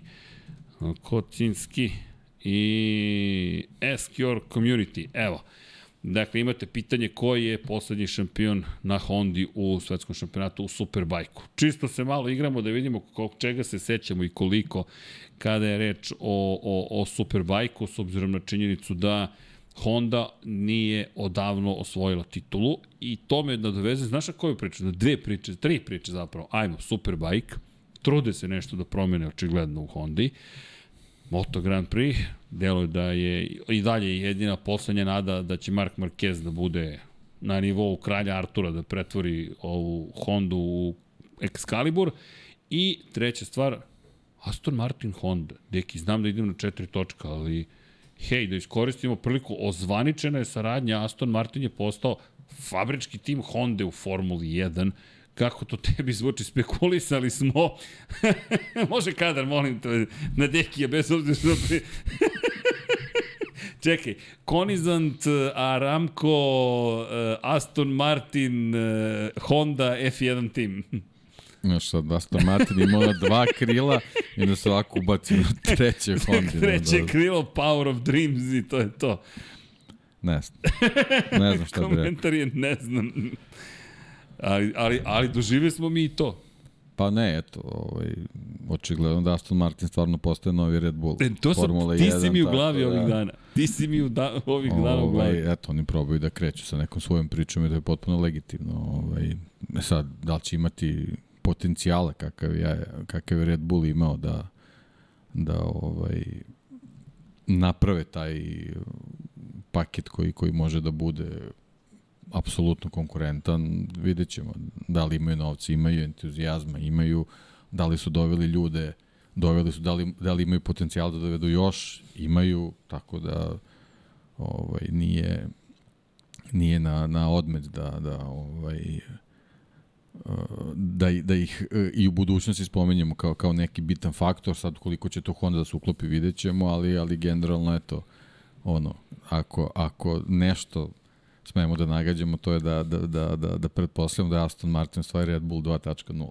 E, ti si neki savršeno imamo, imamo čoveka koji je multimilijarder, pritom je sad već ima porodične interese da ekipa uspe, za razliku od preminulog gazde Red Bulla koji jednostavno samo voleo to što je radio i naravno iskoristio marketinški maksimalno sve što je mogo, nije to, nije to bilo nije tek naravno. tako. Ovde se sad otvara priča na, na, na tu drugu stranu, znači imamo multimilijardera čiji sin sedi u kokpitu tog, tog automobila, tako da ovaj, sa, toga, sa, sa, sa te strane, da kažemo, Aston Martin u, u, u toj blagoj prednosti što se tiče samih početaka, onda sa druge strane Red Bull je dovodio da je Vida Coulthard da, da, da podigne ekipu na, na neki drugi nivo. Ovde prvo bio Sebastian Vettel, pa je, pa je Fernando Alonso tu, znači tu su neki šest titula svetskih šampiona koje su zadužene ovaj, kroz te vozače sa njihovim ogromnim iskustvom da, da podignu to, taj, tu ekipu na, na još viši nivo, tako da ti neki, da kažemo, prvi koraci, ako, ako računamo da od kad se ekipa zove Aston Martin, da je to neka nulta, nulta tačka, ti prvi koraci su mnogo kvalitetniji nego što je Red Bull imao svoje prve korake, sad tu nedostaje ta karika koja se zove Adrian Newey definitivno, e sad kako će to da se, da se skocka što se tiče Aston Martina, vidjet ćemo. Da li stiže? Ali nekako taj nju ima veze i sa Aston Martinom. Mnogo ljudi iz Red Bulla je stiglo u Aston Martin, nekoj, on je razvio Valkiru. Tako je, tako je. U malo kažu nije bankrotirao. Tako je, tako da, tako da eto, ono, šalu na stranu, ali generalno Aston Martinu uh, imaju sve potencijale da, da, da nešto ozbiljnije urade u Formuli 1, kako će se razvijeti, vidjet ćemo. Mi generalno ne znamo ni u kom smeru će sama Formula 1 da ide, kamoli, kamoli ta ekipa koja mora bukvalno svi znamo za uspeh u Formuli 1 je bitno da budeš korak, korak ispred svih, pa možda ispred same Formula 1 da bi, da bi nešto uradio, tako da vidjet ćemo da li uopšte Aston Martin u budućnosti ima potencijala da to uradi, a jako, jako velika nepoznanica u stvari Honda u toj čitavoj priči koja je bila na korak da, da odustane od čitavog programa pa, Formule 1, pa je sad ponovo tu. Tako da vidjet ćemo. Da, ona je zapravo odustala, pa se vratila, s tim što jedno vreme ona i prodala deo svoje fabrike, jedan deo, zapravo jedan deo svojih postrojenja je prodala u Velikoj Britaniji Red Bull Racingu, tako da nije da Honda nije krenula da zaista izlazi. Tako da taj Aston Martin ima mnogo veze sa Red Bull Racingom. Da, između ostalog. A i u tom nekom bolidu prefarbanom i tako da. E, da, uopšte, poseti se zelenih liminki prošle yes, godine kada yes. su otvarali i Christian Horner i ne znam ko još bio, pa mislim da je bio Jonathan, ne, bio Whitley, Whitley sa njim, i mislim da jeste, u svakom slučaju Jonathan Whitley, e, sportski direktor Red Bull, Red Bulla je pio iz zelenog Red Bull liminke, otprilike kao ok, kopija je tu momentu, ali kako god, oni su povukli potez i to mi je zanimljivo iz perspektive Honda i motociklizma zašto? Pa kada je Honda izašla iz Formule 1, zapravo je ceo, celo odeljenje inženjersko Formula 1 otišlo pod HRC, to je Honda Racing Corporation. Da objasnimo, ljudi, to je posebna kompanija. Dakle, imate uh, Lab 76 uh, trkačku korporaciju DOO. Bukvalno to je naziv či, čime se bavi, a šifra delatnosti trkanje. Dakle, to mi je šifra delatnosti u APR-u, Agenciji za privredne registre. Čime se vi bavite? Trkanjem. Molim? Trkanjem, ali ne samo trkanjem, pobeđivanjem, to nam je cilj. Inače, ajde da vidimo anketo, šta kaže anketa. E, opet ste pogrešili, ali Colin Edwards nije poslednji šampion Honda u Superbajku, ali da, kao da je prošlo više od dve decenije, James Towsland je čovek koji je osvojio titulu sa Hondom, zapravo sa Ducatijem i sa Hondom je osvojio James Towsland. James Towsland je 2004. E, bio na Ducatiju šampion, a potom je na CBR-ki 1000 RR 2007. godine došao do da. titule na 10 KT Hondi. Zaboravio sam njega smo zaboravili u celoj priči s BMW-om, izvinjavam se. Da. Jedna velika zvezda je bila u BMW-u i ovaj, neslavno je završio i praktično i karijeru. Ovaj, posle teške povrede u Aragonu, teške povrede ruke, bukvalno je ovaj, posle toga mora da ode u pevače. Jeste. Ovaj, ali eto, ima, imao je ambiciju da, da on bude taj koji će BMW-u doneti, doneti neke ovaj, veće rezultate, međutim nije uspeo. Da, on je 2000... Izvinjam se, ovaj, vozač koga ozbiljno cenim, baš sam, baš sam zaboravio tu, taj, taj moment da je, da je čovjek bio u BMW. Pijanista. Čovjek koji svira klavir. Čovjek koji je izveo Highway to Hell bolje nego, Da, nego Brian. Znači, Bo- da, vidi, pričamo bolje nego Brian Jones. o multitalentovanoj osobi i kada pričamo o Jamesu Tolzundu, uh, dosta osporavan s obzirom na svoje manire van staze, deluje nekako nežno za vozača sveta, šampiona sveta u Superbike, ali ljudi, on je osvojio titulu sa dva različita proizvođača. Ako imate Deezer, ako imate YouTube, ukucajte Toesland grupu Jeste. da vidite kakve dobre pesme ima. Jeste, inače vozio i za Ducati, i za Hondu, i za Yamahu, i za BMW u šampionatu sveta u Superbajku. Dve godine je proveo, ne zaboravite, u teh tri ekipi u Moto Grand Prix u onoj eri nemogućoj s vanzemaljcima 2008. i 9. Bio je 11. to je 14. u šampionatu, nikada bolji od šeste pozicije. Ali, o sve svoje trke koje je odvezao, dakle, ukupno je odvezao 35 trke u karijeri, samo dva puta nije stigao do cilja. Od toga, uz ta dva puta, tri puta samo nije osvojio poene. Čovek koji je bio zapravo izuzetno brz čak i na tim motociklima, ali ne možete na privatnoj Yamahi u to vreme da se poredite sa onim što danas možete na, na privatnoj Yamahi, pošto ih nema, ali na privatnom motociklu Moto Grand Prix. I zaista uživamo trenutno u jednom nestvarnom dobu u šampionatu sveta u, u motociklizmu, u kraljevskoj klasi. James Tolzon Peko bi volao da se vrati to vreme. Ve, Peko, e, ok, imamo pitanje, savršen šlagvort si napravio ka tome, neki, ajmo, Peko, prošlog puta smo rekli da sačekamo, da čujemo celu izjavu, da vidimo, da sagledamo kontekst. I za one koji ne znaju, Francesco Peko Banjaja, šampion sveta prošlogodišnji u svetskom šampionatu u motociklizmu u Moto Grand Prix klasi, je rekao između ostalog da eto jedan Novajlije, četvrti Augusto Fernandez i da bi bilo za bezbednost dobro, za bezbednost, Ja sam neki, tako to za bezbednost, da budemo bezbedniji, da bude veća razlika između satelitskih i fabričkih vozača, jer ovako su veli, mnogo blizu Ovako i nema drugima, smisla. nema smisla nekako, jednostavno šta on traži tu na četvrtoj poziciji, ne, ugrožava njegovu bezbednost. Deki, ajde što je to izjavio, ali znaš ono čuveno, nije, kako beše, nije, nije ga majkla, majka, ne, ne kune majka sina što se skockao, nego što se vadio, tako beše? Aha. E, E, kad je krenuo da izjavljuje, pa nisam ja to tako mislio, to je izvučeno Ma iz ja sam konteksta. siguran da nije tako mislio. E, onda sam bio fazon, ok, Peko, ali, ali isto tako, šta je uradila Dorna, tu se slaže sa Simonom Petersenom iz The Race, e, Peko je davao izjave, e, često da objasnim, u medijski centar kada uđete, inače, ja ću ponoviti još jednom anegdotu, čovjek, gospodin koji me naučio, e, sad više ne važe ta pravila, samo da znaš, naučio kako se nekada Uvest ćemo. u, vratit ćemo ih. Da, koristio medijski centar. Kada stignete u četvrtak obično ili koji god, da, kog god dana da stignete u medijski centar, stolovi su potpuno prazni i nalepljene su nalepnice na kojima je slobodno mesto da upišete ime, prezime i medij za koji radite. Ja sam bio ubeđen da ja moram nekom da se javim ili da platim da bi dobio 100.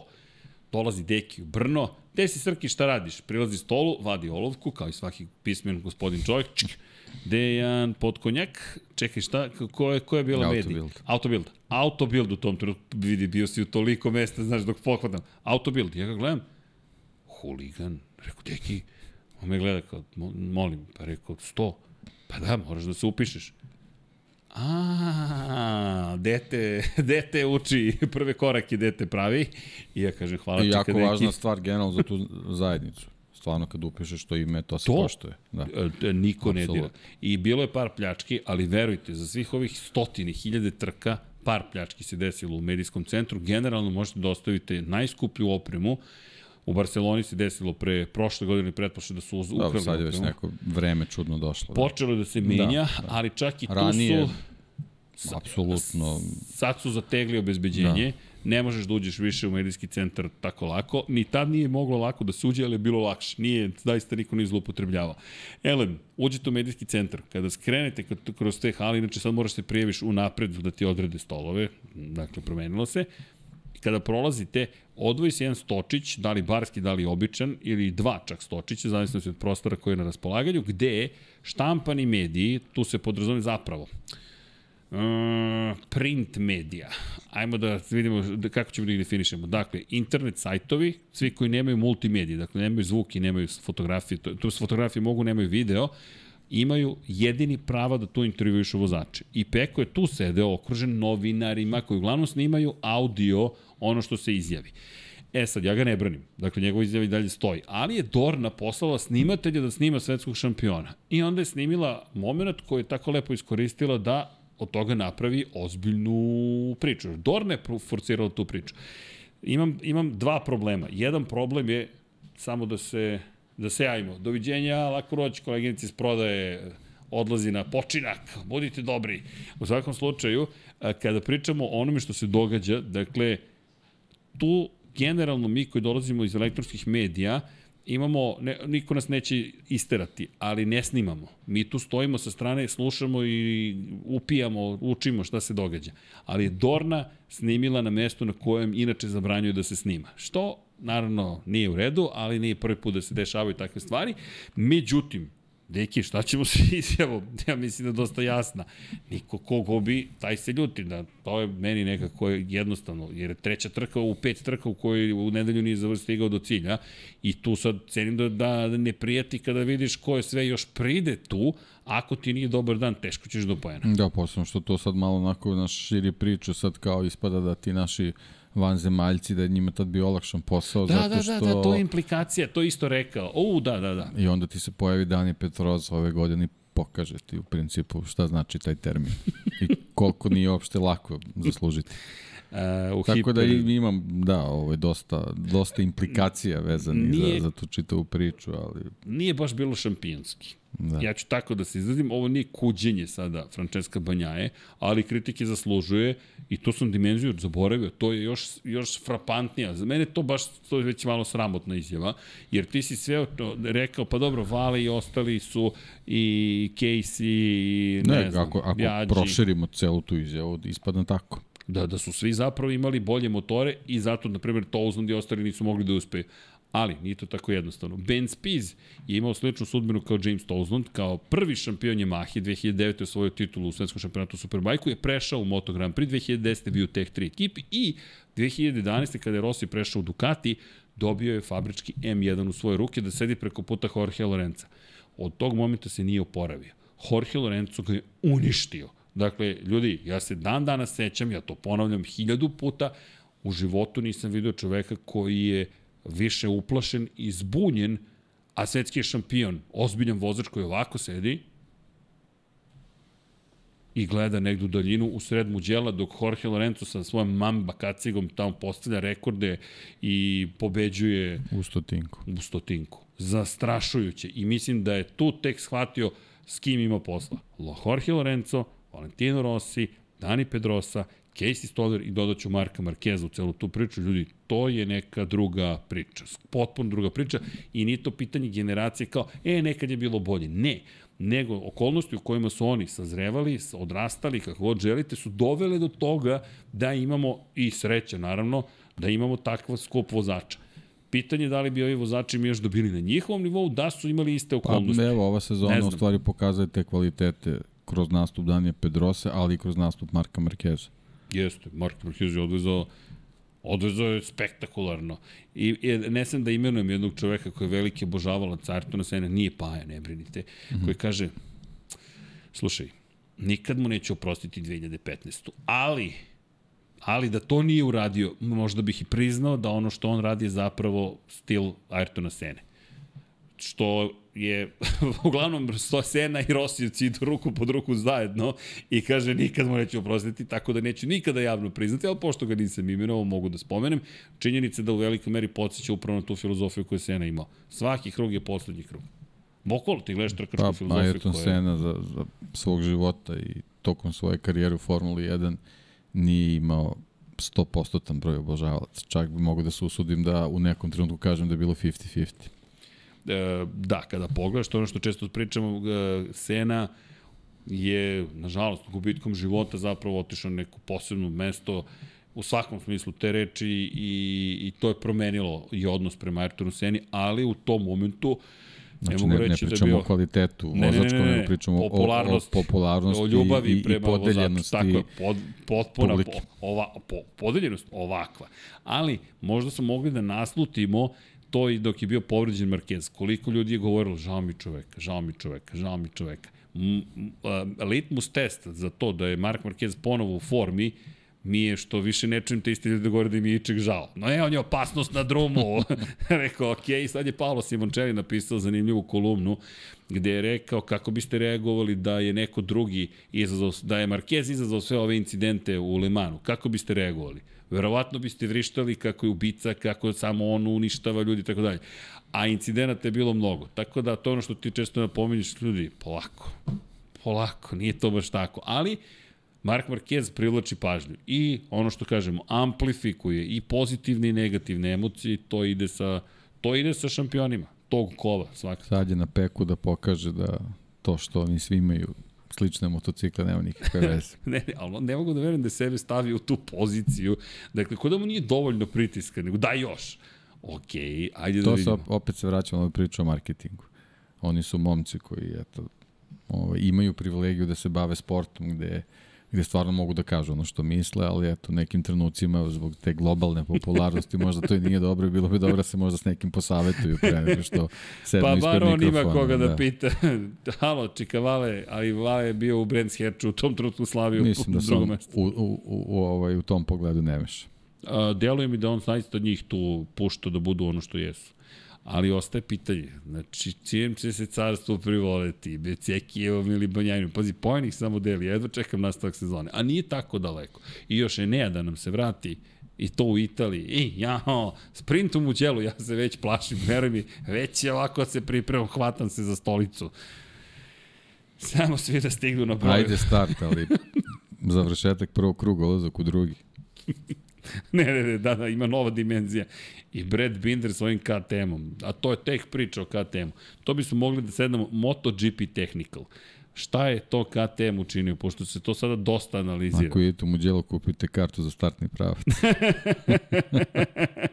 ne, ne, kupite za ulazak u San Donato, da vam, mada, ne, ljudi, ako idete u Muđelo gde god da stojite, bit će fenomenalno. Inače, kad idete na staze, gledajte gde su monitori, gde su ekrani, koliko god da volite da, ovaj sport. Prati, da. Tako je, teško pa ne, ćete ovaj, pratiti. bilo koji, bez ekrana. Bez ekrana. Samo ste tamo. Tamo, tako je. Pa kažem ti Galeb koji mi kaže, Erceg, taj vaš sport je najveća prevara koju sam ikada prisustvovao, pošto nije bio blizu ekrana. Kaže, samo gledam nešto proleće prvo da Ili uzmite neki dobar net pa pratite na, na, može na tako, mobilu. Može, može tako. tako. Sad bar to može. Da, i, i sad Onda je, je sve jedno gde ste. Jeste, i sada je sve više zapravo ljudi na stazama, tako da i bolje, bolje podrška iz perspektive mobilnih telefona. Evo, Conor Edward, James Townsend je na kraju pobedi, dovoljno dugo sam držao otvorenu anketu.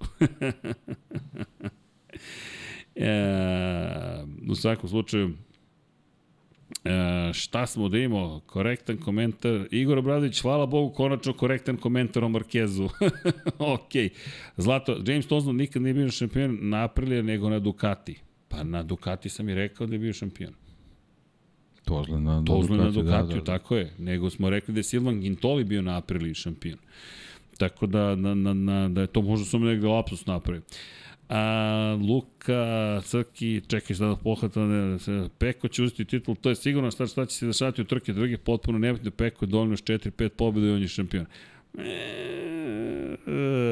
Ne, ne, ne znam, vidjet ćemo, ne znam, ne znam. I nemojte da se svađate, Boško, Master ima, ljudi, sve su to samo razmene mišljenja, šta vam je, samo lagano. A, Muđelo Aberijata, to je vidljivo Srki iz aviona. Ne znam šta sam rekao sada, ali da, inače Yamaha htjela da, dobro, sad tu evo pohvatam, da u svakom slučaju, kada pričamo o, o, o, o, o, o Markezu, Seni i tim šampionima, uvijek će to biti vatreno. Tako da to je prosto, to su šampioni ljudi i to je u redu. Svako što kaže Paja, ej, emocije kad te vode, to je, to tako funkcioniše. Prosto Niki Lauda nije bio ekstra omiljen, Mihael Schumacher da, nije. nije bio ekstra omiljen. To je jednostavno tako povezano je. Pa, znaš, kak, ne znam... Uh... Neko mi neći uspeh smeta, neko sa druge strane ima neke svoje idole za koje bih volao, za koje bih volao da, da, da su bolji u tom trenutku, ali ne mogu zbog nekog većeg šampiona i tako dalje. To je potpuno prirodno. Pa vidi, to su emocije, nemoguće da svi navijaju za jednu osobu, to je nekako... E, možda je to to sa Rosijem što se desilo, što je 90% tribine zapravo bilo za jednog čoveka, pa je to bilo nekako e, drugačiji u odnosu na bilo šta drugo. I zaista, On je čovek druge dimenzije po tom pitanju. Bukvalno. Ali niko, nikad nisam vidio ni jednu sličnu zvezdu u sportu. Michael Jordan nije on bio popularan u vreme kad je dominirao. Kako se vratimo, samo u Chicago je bio popularan. U Salt Lake City nisu ga baš previše voleli. Čak se, evo, su deci zabranjivali da idu u Salt Lake City zapravo. Zato što je bilo toliko neprijatno zapravo. Psovke i sve ostalo pritisak koji su trpeli. Evo, slušam Miksa vrlo pažljivo. Čim je NBA ovolike mu oči. Šta ste rekli? Time code Jordan. da, često ga spominjem, ali, ali, ali s razlogom. Da. Čekaj, si pratio NBA? Pa, pomalo. Nemam, nemam toliko vremena, ali sam ispratio sad ovo, ovaj, ovaj 4-0. Da.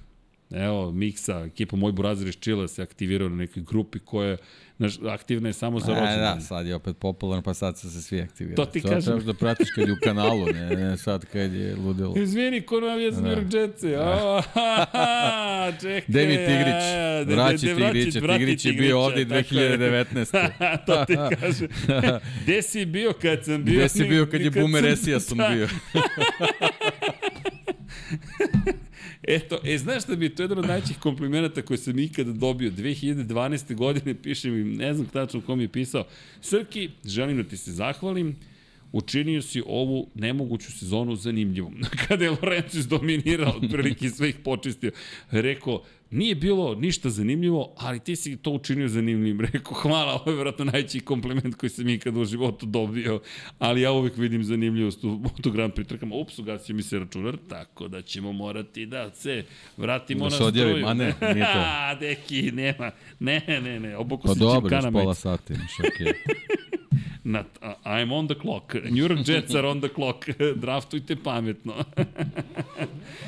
Pravi si, nisi huligan, nego hunigan.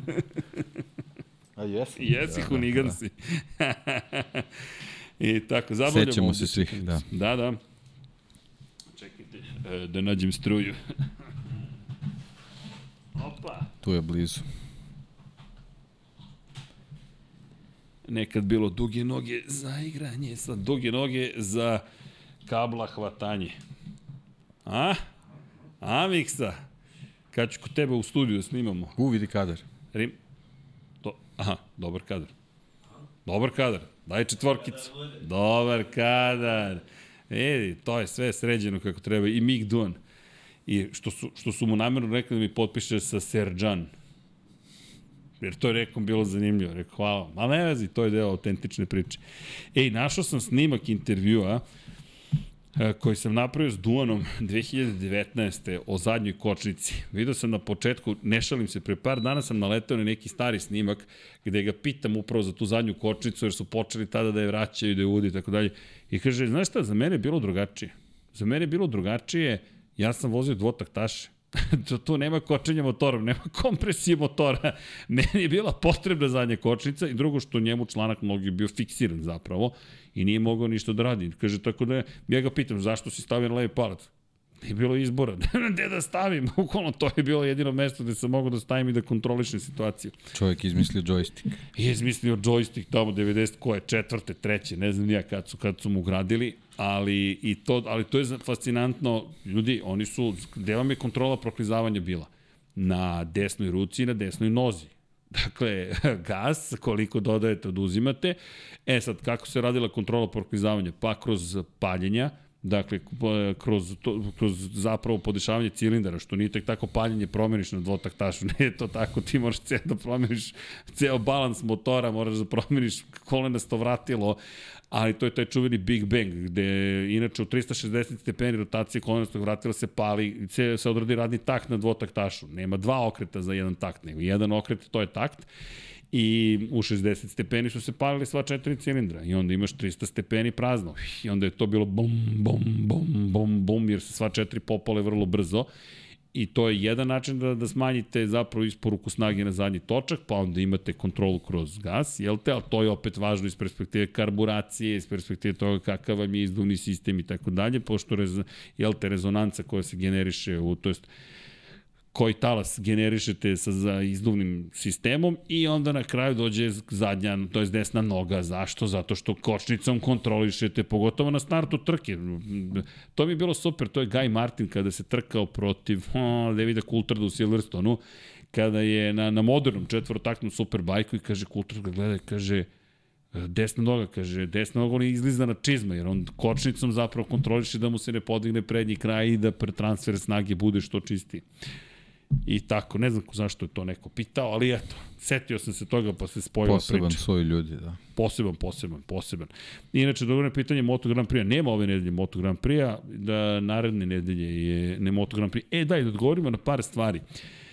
Kada pričam injury update, što bi se reklo. Dakle, Luka Marini inače je ustanovljeno da ima malu povredu. To je juče ustanovljeno, dakle ima povredu zgloba desne ruke I, dakle, trenutno bi trebalo da bude spreman za, za Muđelo, makar je to poslednja informacija koju smo do, do, dobili. U svakom slučaju će pratiti i pred trku će se ustanoviti zapravo da li je sposoban za nastavak šampionata ili ne već u Italiji. To je moment kada je pao zapravo na stazi. Nisu odmah ustanovili da je zapravo doživeo povredu, tako da je to potrajalo. Na kraju se ispostavilo da ipak ima povredu. Isto važi za Peka Banjaju, manja povreda, u onom padu uh, sa Maverikom Vinjalesom. Tako da... Generalno su dobro prošli. Mislim, šteta što su povređeni, ali generalno kakvi su incidenti bili, dobro su prošli vojica. E, prilično su dobro prošli. Budimo iskreni, dobro su, do, do, do, do, dobro su prošli, ali spomenuo bih još par stvari, pošto nije da nema ni jedne vesti zapravo. Dakle, kada govorimo o, o ajde da ispoštujemo i svetskog šampiona, e, to, to on ima problem sa frakturom članka zapravo, nog, nogu je povredio, ali ne bi trebalo da bude odsutan sa trke u Italiji, to je trenutna informacija, De, članak desne noge je takođe u pitanju i prošao je kontrolu Mizanu, za sada kažu da je mala fraktura u pitanju, manja povreda je i ne bi trebalo da utiče na takmičenje na domaćem terenu. To je najnovija, najsvežija informacija i ima tu još par stvari koje bih spomenuo apropo konteksta, u kontekstu one priče koje su i i do, koje smo se dotakli zapravo sa Pekom Banjajem za, za Augusta Fernandeza. Rekao je Hervé Poncharal da je razočaravajući da ga ljuti što sve što mnogo ljudi govori o tome će Pedro Acosta zapravo zameniti Augusta Fernandeza. Evo, to je to je da kažemo, priča koja neće nestati tek tako. Augusto Fernandez nema taj renome bez obzira na titulu koju ima Pedro Acosta, svidelo se to nekom ili ne, prosto Pedro Acosta je obeležen za zvezdu budućnosti i to tako stoji. Ima ugovor da ode u Moto Grand Prix sledeće godine.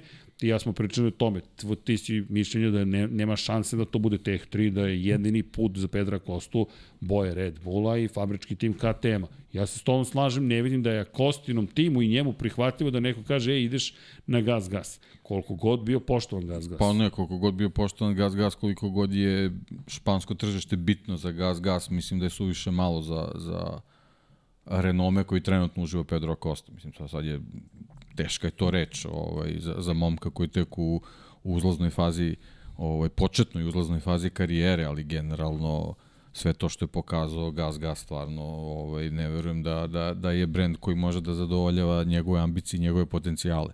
Tako da u toj KTM priči za Pedra Kostu po meni ima samo mesta na, na, na fabričkom KTM, osim ako, ako u KTM u, u, u, u tom, tom, tom čitavom konglomeratu, eto, možda, možda ne, ra, ne razmišljaju drugačije, mislim, generalno Pedro Kosti u principu svejedno kako ofarban taj motocikl, ovaj, važno je da, da, da to, ako je KTM, da, da bude KTM u svom punom potencijalu, ali opet sa druge strane taj, taj, taj neki utisak koji ostavlja, mislim da on ne može da bude vozač koji, se, koji će se naći na, na, na, na pratećem pratećem praktično motociklu u pratećoj ekipi. Opet sa druge strane, ako se već priča o Augustu Fernandezu, ovaj, ja ne znam, meni je meni tu veći uh, veća verovatnoća ako, ako tu uopšte bude neka pozicija za Kostu da, da Pola Espargaro stvari bude vozač koji tu nažalost neće više imati mesta, pitanje je kako će uopšte njegova karijera dalje teći, tako da ima tu još mnogo, mnogo otvorenih pitanja vezano i za KTM i za, i za Pedra Kostu, ali generalno ako strateški KTM razmišlja o, o, o čoveku koji se zove Pedro Costa, mora da mu obezbedi mesto, ali jednostavno on je stvarno u ovom trenutku, verujem, želje svih, tako da Kate mora da odigra da ga zadrži u svojim redovima. Da, inače, iz perspektive tih transfera, ajde, pošto je prazan hod u sezoni, to se malo sad zahuktalo i iz perspektive razgatljivog od koga smo i krenuli, u Yamahi odjednom Morbidelli ima veće šanse da ostane. Međutim, nije to tako jednostavno. Jorge Martin je već izrazio želju da pređe u fabrički tim naredne godine, ističe mu ugovor deluje da bi Jorge Martin mogao da bude želje Yamahe. Ono što je pitanje da li on želi Yamahu sada.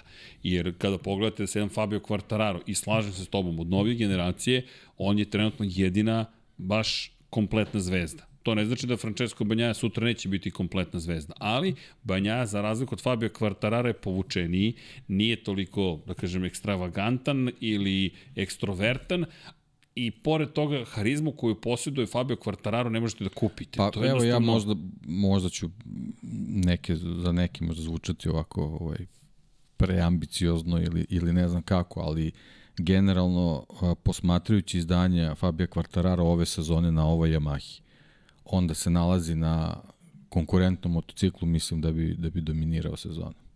To je, to je moje mišljenje. Voleo I da, i da, da, po tome, da po tome bi u stvari pokazao koliki je potencijal. Voleo bih da, da ga vidimo iskreno na nekom boljem motociklu, zaista. I ne mislim samo na moćnoj Yamahi, voleo bih da ga vidim i na drugom motociklu, zaista. No, o Hondi ne znam ni šta bih rekao, to, je, to, to će ostati neka vrsta misterije, ajde tako da kažem, pošto očigledno da je Yamaha, da Honda, Honda... je, Honda je divlji trkački motocikl koji u ovom trenutku imate neke neke nedostatke, ali generalno eto vidi se u rukama vozača koji, koji ima, ima taj taj trkački stil vožnje, da, da, da nazovem, taj, taj motocikl radi. A da li ti, da li ti stečeš utisak da je BMW možda takav u Superbajku? Da zapravo taj ne, motocikl ne, mora ne, se ovlada mislim, njima? mislim da je to neka druga, druga filozofija, posebno što Superbike nije, to nije, nije prototip motocikla, ovaj, oni, oni neke, neke druge konstrukcione probleme možda imaju koji jednostavno ne odgovaraju toj, toj čitavoj priči, ali, ali da, verovatno je potrebno da se u određenom trenutku pogode ovaj, i vozač i, i, i konfiguracija motocikla da bi rezultati mogli da budu na, na odgovarajućem nivou prosto pitam s obzirom na činjenicu da, da razmišljam šta to sve još BMW, namerno miksam priče, uh, može da dobije time što je do, dobio Toprak razgledli oglo. Inače, Yamaha isto ono što smo rekli, mora da smisli koga će da promoviše u okviru šampionata sveta u Superbajku i da li može da nađe nekoga koji je na nivou razgledli oglo. To baš ne ide preko noći, ali da vidimo i Lokatelijevo sazrevanje. I još par stvari, neko je pitao da li će Joan Zarko da ide u Superbajk ili ne postoji šansa. Marko Beceki je poremetio tržište u ovom momentu. Marko Beceki je izrazio želju navodno da sledeće godine bude u fabričkom timu. Ne, u kom fabričkom timu? Opet, možda se otvori mesto u Yamahi. Isto pitanje, stvarno želiš da ideš na M jedinicu pošto si u prilici da voziš GP22? Toliko o Pekovi priče da nema razlike između fabričkog i privatnog motocikla. Da, da, i da, da su sve, sve to zapravo isto. Ok, Peko, hoćeš da se vratiš u pramak, ali nešto sumnjam baš da želiš da voziš za pramak. Postoji razlika, dakle čak i neka nijansa u pitanju ili samo pouzdanje, postoji razlika i postoji razlog zašto je i Enea Bastianini rekao ja hoću fabrički motocikl. Postoji razlog zašto Ducati koji želi da zadrži Jorge Martina ne zna šta da radi pošto nema više mesta u fabrici. Jednostavno nema. Po pravilniku inače Dorna je zabranila da fabrički timovi imaju više od dva vozača. To je pravilo koje je uvedeno posle 2012. godine kada je Andrea Doviciozo sudskim putem naterao Hondu da ispoštuje ugovor i da ga zadrži u Repsolu. Vi ste u garaži imali Andrea Doviciozo, Dani Pedrosa, Casey Stoner. Dakle, ako je postojala jača ekipa postava u istoriji Moto Grand Prix, neka mi neko kaže modernoj, jer to ja ne vidim da je jača postojala. Inače, nisu hteli Dovija. Kada su potpisali ugovor sa Stonerom, Repsol, Repsol Honda je planirala da se Doviciozo zahvali i kaže čao, imamo Danija, imamo Casey-a. Andreja je rekao, ja imam advokata, tako da odvizvao ih je na sudiju, oni su rekli, ok, više se isplati da mu damo motocikl da vozi, imali su tročlanu ekipu i Dorna je tad rekla, stop, jer, zamislite, Repsol Honda kaže, ja ima, angažujemo mi još jednog. A onda Yamaha kaže, angažujemo mi još jednog. Sad kad pogledam, možda i nije bi bilo tako loše, pošto je to zapravo Berni svoje vremeno hteo u Formuli 1. tri vozača po ekipi i gde on hteo da ima manje timova, ali da budu konkurentni timovi i da dobije, ne znam, 8 timova puta tri vozača, 24 takmičara. Kao da nije komplikovano i ovako. ali opet, čisto razmišljanja radi, e, da, da, da, da znate da ne postoji opcija da Ducati kaže, e, kupujemo još jedno mesto. Pravilnik kaže, e, e, morate da podržite satelite. I tu Dorni čestitam. Jedno su rekli, ok, onda ćemo da imamo osam fabričkih motocikala. Bukvalno, ali dobro, ove godine samo četiri Tako da Peko treba se obrati Ducatiju, a ne, a ne nama. Kaže, ljudi, a šta ste mi radili? Pa vidi Tardocija Ćabatija prošle godine. Pa eto, pričali smo u prošlom podcastu, sve bi bilo okej. Okay. Znači, ako imaš motocikl iz 22. nemoj da ga unapređuješ. I onda bi tvoj prvi vozač bio zadovoljniji možda. Ma, možda, ali da li želiš to? Ne verujem da se vozač pita baš mnogo tu. Pa i još jedna stvar, šta ćemo onda kad ostali počnu da te sustižu zato što ti nemaš dovoljnu zaštitu. Ne vidim da se bunio prošle godine Zarko u Tajlandu kad je bio iza. Ali dobro, da ne otvorim tu temu, bit će problematično. Ali Muharem Serbezovski kaže zašto su ti kose pobelele druže Tardoci zato što su jel te bile Zato što... Žao mi što nemam, što nismo uspeli u sliku preleci, ali verujte, da, nemam, nemam ovde, Nemaš bilo ovde. na, na hard disku mi je. okay. Ali bio je Beo i 2010. tako nemoj se sekirati. Davide Tardoci, da, da, to je zanimljivo. Da, i, i sad Peko sebe izložio u toj priči kao, čujte, Peko je sada svetski šampion. Nemoj se ljutite sad na, Peko je sada fair game, što bi se reklo, i kao što Markeza spominjemo češće, Tako ćemo i Peka da spomenjamo češće. Pa nešto da budete šampion, kažete, pa kad šampion nešto izi, pa dobro, on se malo šali, zbunilo se dete. Nije dete, sad je švedski šampion, ne može da se zbuni. Dakle, jasno je šta je rekao i to je okej, okay. nemojte da shvatite lično, man, niko nas nije ličan. Pogotovo ne prema tim ljudima, skidamo kapu svakom njih čim sedne motocikl. Elem, ta cela situacija, taj sad ringišpil se komplikuje. Dakle, Beceki hoće fabriku. Koju fabriku? Sad će Honda da ga pozove, kaže umesto Johana Mira, hoćeš u Hondu? Nisam baš siguran, hoćeš u KTM? Ups, čekaj. Imamo Jacka Millera, mada Jack Miller sebi trenutno ne pomaže. Imamo Breda Bindera, koji sebi pomaže. Čovjek. Pa generalno, evo, Imaš... ako pričamo o KTM-u, Jack pravi da ta stolica bude, to je to sedište da bude, bude klimavo, klimavo da. opet s druge strane imamo Poleska, Espargarač i povratak i dalje po znakom pitanja. Tako da ta dva mesta onako ako ako u nekim u nekim procentima ovaj mogućnosti da da tu dobijemo neke nove vozače, prilično je velik procenat i za i za Jackovu poziciju i za Polovu. E sad Pol ima dvogodišnji ugovor sa KTM-om, ali bilo je mnogo vozača koji su imali dvogodišnje ugovore koji Znaš kako, Srki, uh, sa uh, ne možemo sada da kažemo da operacija ruke bez azlena, ali uh, Imali smo Eneo ove godine, imali smo Raula. Momci su se vratili, seli na motocikl i rekli ja ne mogu ovo da vozim. A Pol je bio životno ugrožen sa svojom Poli, povredom. Tako da veliko je pitanje, naravno, apsolutno svim srcem navijam da, da se, se vratiti, vrati da. bez posledica. Videli smo Marquez, koliko mu je bilo potrebno da se vrati iz svoje povrede da bi i Ole sad pomislili da je da je u nekoj da kažemo 100% spremi, a znamo da nije 100% spreman, nikad neće ni biti. Tako da je veliko pitanje kad se Pola Espargaro vrati na motocikl, pored sve njegove želje, koliko će on biti sposoban i koliko će on moći da proceni, kaže da, nastavit ću sa Moto Grand Prix. Tako da to mesto je onako najupražnjenije, da kažemo, ovaj, za ovu sezonu, a što se tiče KTM-a, Jackovo je po meni mnogo klimavije nego recimo Augusta Fernandeza ili, ili, ili Bindera koji je potenciram i ponavljam to izabrano strane KTM-a da bude glavni čovjek koji se pita za razvoj motocikla kad su u pitanju o, takmičari uz, uz Danija Petrosu. Znači, Binder ima ogromno poverenje, uživa ogromno poverenje u KTM-u, pritom on svojim rezultatima to, to i uzvraća.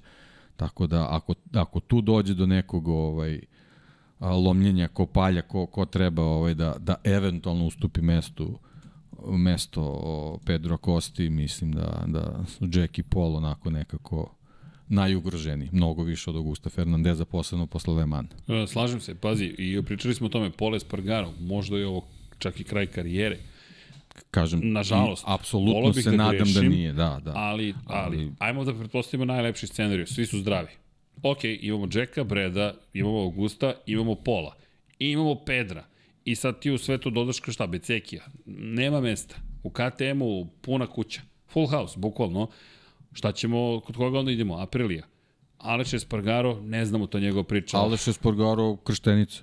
Ostati ili ne. Ja mislim da posle ove sezone... Pritom ne, ne znam koliko Aleš iza sebe ima jake sponzore koji mogu da izguraju neku njegovu želju da on ostane u Apriliji. Ovaj, pritom Aprilija sa, sa nekom svojom finansijskom moći, ona je apsolutno zainteresovana da u sledećoj nekoj fazi po meni, ne mogu sad da kažem ona je apsolutno zainteresovana, ja mislim da je ona apsolutno zainteresovana Naravno. da u nekoj sledećoj fazi sa, sa dodatnim razvojem svojih motocikala ima apsolutno najkvalitetnije moguće vozače koje može da priušti. Da li Aleš Espargaro već sledeće sezone spada u njih, ova sezona onako već pokazuje da, da, da, da ovaj, možda gubi neki korak. Pa pazi, Aleš je 11. u šampionatu. Koliko poene, samo da proverim, 42. Miguel Oliveira, koji je vozio suštinski dve trke, ima 21 poen. Pri čemu Miguel, ako će neko da bude doveden u fabrički tim, moje mišljenje da će to biti Miguel Oliveira. Da će jednostavno u jednom trenutku Miguelu reći... Kolo sreće, ako se okrene, možemo da, da razmišljamo o tome da je sledeće godine Vinjales Oliveira tandem fabričke ekipe Aprilije. I onda dodaj na sve to Becekijeva želja, hoću da budem fabrički vozač. Nema mesta u fabrici Aprilije, dakle smanjuje se broj pozicija, Pa, znaš kako sad, već mislim da nije ni ta sad priča želje nekog vozača. Pre svega je tu sad uh, i, i ovaj, jako važan moment uh, finansijskih mogućnosti sponzora koji to trebaju da isprate. Jer Moto Grand Prix je sve skuplji i skuplji, mislim da i, da i fabričke ekipe više nisu oslonjene samo na svoja finansijska sredstva, nego da, da taj budžet prilično mora se dopuni sa, sa sponzorske strane. Što nas opet dovodi do toga koliko si zanimljiv, Beceki jeste zanimljiv, delo ali je da da, delo on, je da on da. deluje da je da, s te perspektive da. može biti baš zanimljiv, pogotovo italijanskim sponzorima, italijanski sponzori su prilično jaki. E sad, dolazimo na, na, na sledeću stavku. Ducati. Ducati navodno želi da ga zadrži i pazite, sad ćemo pun krug da okrenemo i možda će da žrtvuje Zarka da bi u pramaku otvorio poziciju za Marka Becekija, što je do sada bila lestvica koju moraš da prođeš da bi ušao u fabrički tim. Danilo Petrući, pramak, fabrika. Fabio, ne Fabio, izvinjam se, Frančko, Francesco Banjaja, pramak, op. Da, ali već, već od prošle sezone i, i ovaj, uspona Gresinija, mi sad imamo Gresini i, i Muni koji su, to je VR46 koji su prilično su. došli na korak uh, pramaku, pramak. tako da ne vidim kakav, kakav bi to korak napred bio Dobiješ novi za vozača model. iz, pa jedino to, Dobiješ da, novi ali, model. ali uh, suštinski, organizaciono, neka spektakularna promena, to i nije za, za taj profil vozača.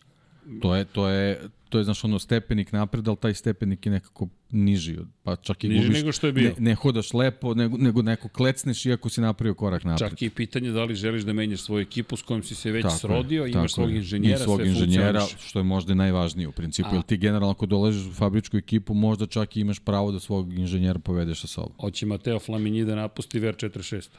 Deki, da. ja to ne vidim. Oni su tamo otišli da se penzionišu. Njima je mnogo dobro. Dakle, VR46 ekipa je okupljena od prijatelja. Ne znači da neće oni otići odatle, ali većinom su to ljudi koji žele da budu upravo tu i imaju taj jedan pobednički mentalitet koji dolazi s Valentinom da. Rosijem. Da, s druge strane, za te mlade vozače potpuno prirodno da hoće da, da dođu da u neku top poziciju da u tome čime tim, se bave. Hoćeš da sediš u Ducatiju i kažeš ja sam deo tako fabričke je. ekipe. Apropo, opet, nema razlike između satelitskih i fabričkih timova. Pitajte Pedra Kostu, hoće gas gas ili KTM. Da. Nisu svi Jamie Vardy pa da neće u veliki tim. Ovde padaju neki vode, komunicira se kroz studio, ali uh, da, da, hvala neki. zabavna atmosfera. U svakom slučaju, pazi, zahuktalo se ovde, ima tu svega. Evo vidi, spominju Luku Marini. A Luka Marini nije u poziciji bolje od Marka Becekija. Luka Marini, koliko god dobar bio, on nije na poen od šamp vodećeg u šampionatu. Manjak sreće ili ne. Ljudi, poen samo zaostaje Marko Beceki i ima isti broj pobjeda ove godine kao, kao Francesco Banjaja. Čekaj, to, to, to, to nešto vredi valjda u celoj priči. To mora da vredi. Dakle, ne može da se kaže, pa ne, ne, to je isto kao što je bilo. Nije isto. I Luka je tu pod, pa, pod pritiskom. On će ostati veče 46. ekipi i ima rezultate i činjenicu da je rođeni brat. Ne, to, to, to, to, to, to ipak nešto važi. Ali iz perspektive napretka, bojim se da će pre Beceki, to bojim se, preće to biti Beceki i vidjet ćemo naravno u nastavku sezone njegov odgovor, Marinijev i Aleksa Markeza, koji mislim ima samo da, do Mislim da, sezone. da, da ta cela priča se pravi na osnovu rezultata iz ove sezone, a tu zaboravljamo jednog, jedan važan faktor. A on se zove Nea Bastianini. Koga nema. Tako da sva, sva ova dešavanja oko pozicije u šampionatu, u slučaju da dobijemo nazad Bastianinija koji je u formi, koji je zdravi, koji se uklapa sa čitavom pričom u Ducatiju, to već za par trka može se promeniti. Da, da, razmišljam samo, ba, bazi, Bastianini je ozbiljan faktor ujednačeni. On, on menja stvari. I Pri tom je Italijan. Italijan u Ducatiju, koji za sada nije ni stigao da pokaže šta može u fabričkom timu, a pritom je on taj koji može ozbiljno da utiče ponovo na svetskog šampiona na Francesca Banjaju. Banjaja sa svih strana po pritisima. Pri čemu? Banjaja, ako osvoji titulu ove godine, to je baš velika titula. Za mene veće čak i nego prošle godine, zato što je ove godine on meta. On je cilj drugima, Markezu je on cilj, nema tu šta, to se videlo u Francuskoj. Cilj Mariniju mora da bude Francesco Banjaja, Becekiju mora da bude Francesco Banjaja i pride dobro vozi. Vinjalesu mora da bude Francesco Banjaja. I to je to, je to došao si na vrh. Jedno je doći na vrh, drugo ostati na vrhu. Tako da, da, Bastianini kad stigne, uf, to će baš da bude zanimljivo. pa to, to nam nedostaje, da nedostaje nam Bastianini, mislim da nam prilično nedostaje Miguel Oliveira, zbog neiskazanog potencijala prošlogodišnje Aprilije, koje je u stvari trebalo da bude Gresini kojeg smo imali jest, prošle godine. Jest. Znači, Oliveira je trebao da bude uh, Bastianini. Ove godine. 23. dobili smo Becekija, ali na već, da kažem, to je već isprobana formula. Jeste. Ali ovaj, nedostaje nam je da vidimo ta April, u stvari da vidimo koliko je taj prošlogodišnji motocikl April u stvari bio dobar. I dodaj na sve to, dodaj sad na, na, na celu tu kalkulaciju zapravo, da kada bismo imali malo konkurentnu Yamahu, bismo imali opšti haos u, u pozitivnom smislu, jer bismo imali i Fabio Quartarara. Samo kažem da je samo da, pa, o, još to sređeno. Ono izdanje Rinsa u, u Teksasu nam u stvari pokazuje da neke i otpisane motocikle na određenim stazama ćemo dobiti. O, ćemo dobiti. Sigurno. Znaš, evo, pa pazi, ovo Marquez što radi u Le Mans, to sad... Seća se kako, pitanje. kako, kakve su nam i ranije bile priče oko, oko Jorge Lorenzo u Mugello.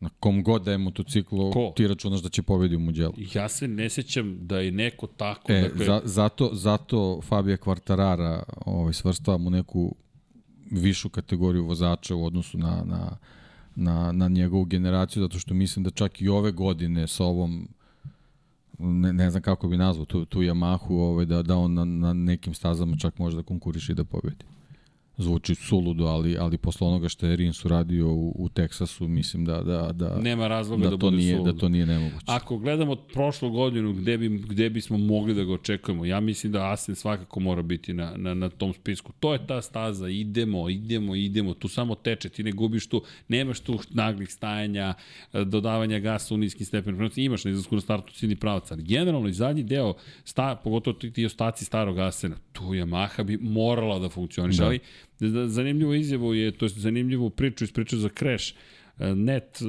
John Mir koji je rekao u Zukiju kada bismo povećali maksimalnu brzinu imali smo probleme sa zaustavljanjem motocikla i kaže sve je toliko izjednačeno trenutno Moto Grand Prix čim dobiješ na jednom mestu gubiš na nekom drugom je, to izbalansirati sada uklopiti sa stilom vozača sa ekipom koja zna kako da izvuče maksimum spojiti sa gumama teže. Pa, kako izvući maksimum, a ne rizikovati. To je recimo trenutna situacija s Hondom. Mnogo, mnogo je rizika, i eto, to se završava sa padovima, uključujući Marka Markeza, koji ne pada u tim nekim početnim fazama, ali jednostavno, ali gume... jednostavno ne mogu da izdrže, a kažem, simptomatično u Lemanu je bilo smo dobili padove Mire Rinsa praktično u, u istom trenutku. Da, evo zanimljiv komentar, Bešte kaže nema nikakav pritisak s obzirom na činjeni na poziciju u kojoj se nalazi. Pa ima istine u tome, dakle, kada, kada, kada pričamo o njegovoj poziciji drugačije, definitivno je drugačija pozicija, jednostavno... Da, od njega se u ovom trenutku ništa ne očekuje možda u nekoj kasnoj fazi sezone u ovom trenutku njemu je samo bitno da se vrati u maksimalnoj formi i da bude u vrhu. I to je to. Može. E, slušaj, Alex i, Alex i Maznex. KTM pravi još jednu ekipu Husqvarna u Moto Grand Prix, vozači Mark Marquez i Pedro Acosta. O, to bi bilo, čujte, e, ne, ne, verujte, preselili bi bilo sve druge vozači da budu u KTM-u. Ne bi Husqvarni poklonili Marka Marqueza i Pedro Acosta, ali može, ne bi bilo, bilo ne bi bilo pre neki dan je bila simpatična fotografija ovaj debi Marka Markeza sa pre 15 godina skoro identičan kombinezon, samo što ovde piše naranđasto KTM. A, KTM bio nekada, da, ja stalno se sećam tog, ja ne mogu da, ja, ja, ja, ja, ja drvim u tom Kersu koji Marquez koristio na KTM-u, meni je, meni je to toliko fascinantna priča, moram da iskopam ko su bili inženjeri u to vreme, da ih pitam, gde je taj Kers, šta ste uradili s njim? Pazi, Kers tada, tada, ali dobro. A, da vidim, ima neki komentar, Vinjale se udario u cilj u, da, čekaj, Srki mislim da se Luka ne snalazi najbolje na drugu sezonu za redom na istom motociklu, a Bet se bolje snaša od Luke na GP22. Ima i toga, ali ima i uzmite u obzir da, da, da morate ovde da budete, imate i situacije u kojima vam se sve očisti. Luka je napravio veliku grešku u prvoj trci, taj pad je na njega uticao i, i ovaj incident koji se desio opet je uticao, ali Uh, evo, Ivan Kitić kaže, VR46 tim prelazi na Yamahu, Marko Beceka i Yamahi umesto Morbidelli upitnik. To je priča za 2025. I to se dosta priča, ali ja mislim da Valentino Rossi će meriti do poslednjeg trenutka da li zaista želi s Yamahom ili ne želi s Yamahom. Zašto bi Valentino... Što je Yamaha pokazala da želi s Valentinom Rossi. To je, ne, to je, po, to je više nego pokazala, ali... To je potpisano. To je potpisano, bukvalno je potpisano, dakle, on, ču, da, čujte to, a ne, on je, a ne, on je Ne, ne, on je samo ovaj, vešto odvojio VR46 ekipu od sebe. Tako je. Tako I da, to je u redu. To, Ja sam ne Valentino ja Rossi, ovo je R46, da. to ide kod učija, pitajte njega, don, on čovjek to vozi, jedno Pablo nije to, on je menadžer ekipe. Ali da, ima ugovor sa Yamahom, dakle on čovjek koji predstavlja Yamahu, vozi za BMW, i koristi Ducatijeve motocikle u šampionatu sveta za svoju ekipu. Dakle, čekaj, deki, samo da spojimo sve grupacije. Ducati je Audi. Ili znači, nema nikakve veze s BMW-om. Ili ti Volkswagen grupacija. Dakle, ako, ako biste mogli da nađete nekoga ko nikada ne bi prihvatio da radi s vama, to je BMW zapravo. BMW rekao, ne, molim vas, gospodine, evo izvolite da sarađujete sa nama.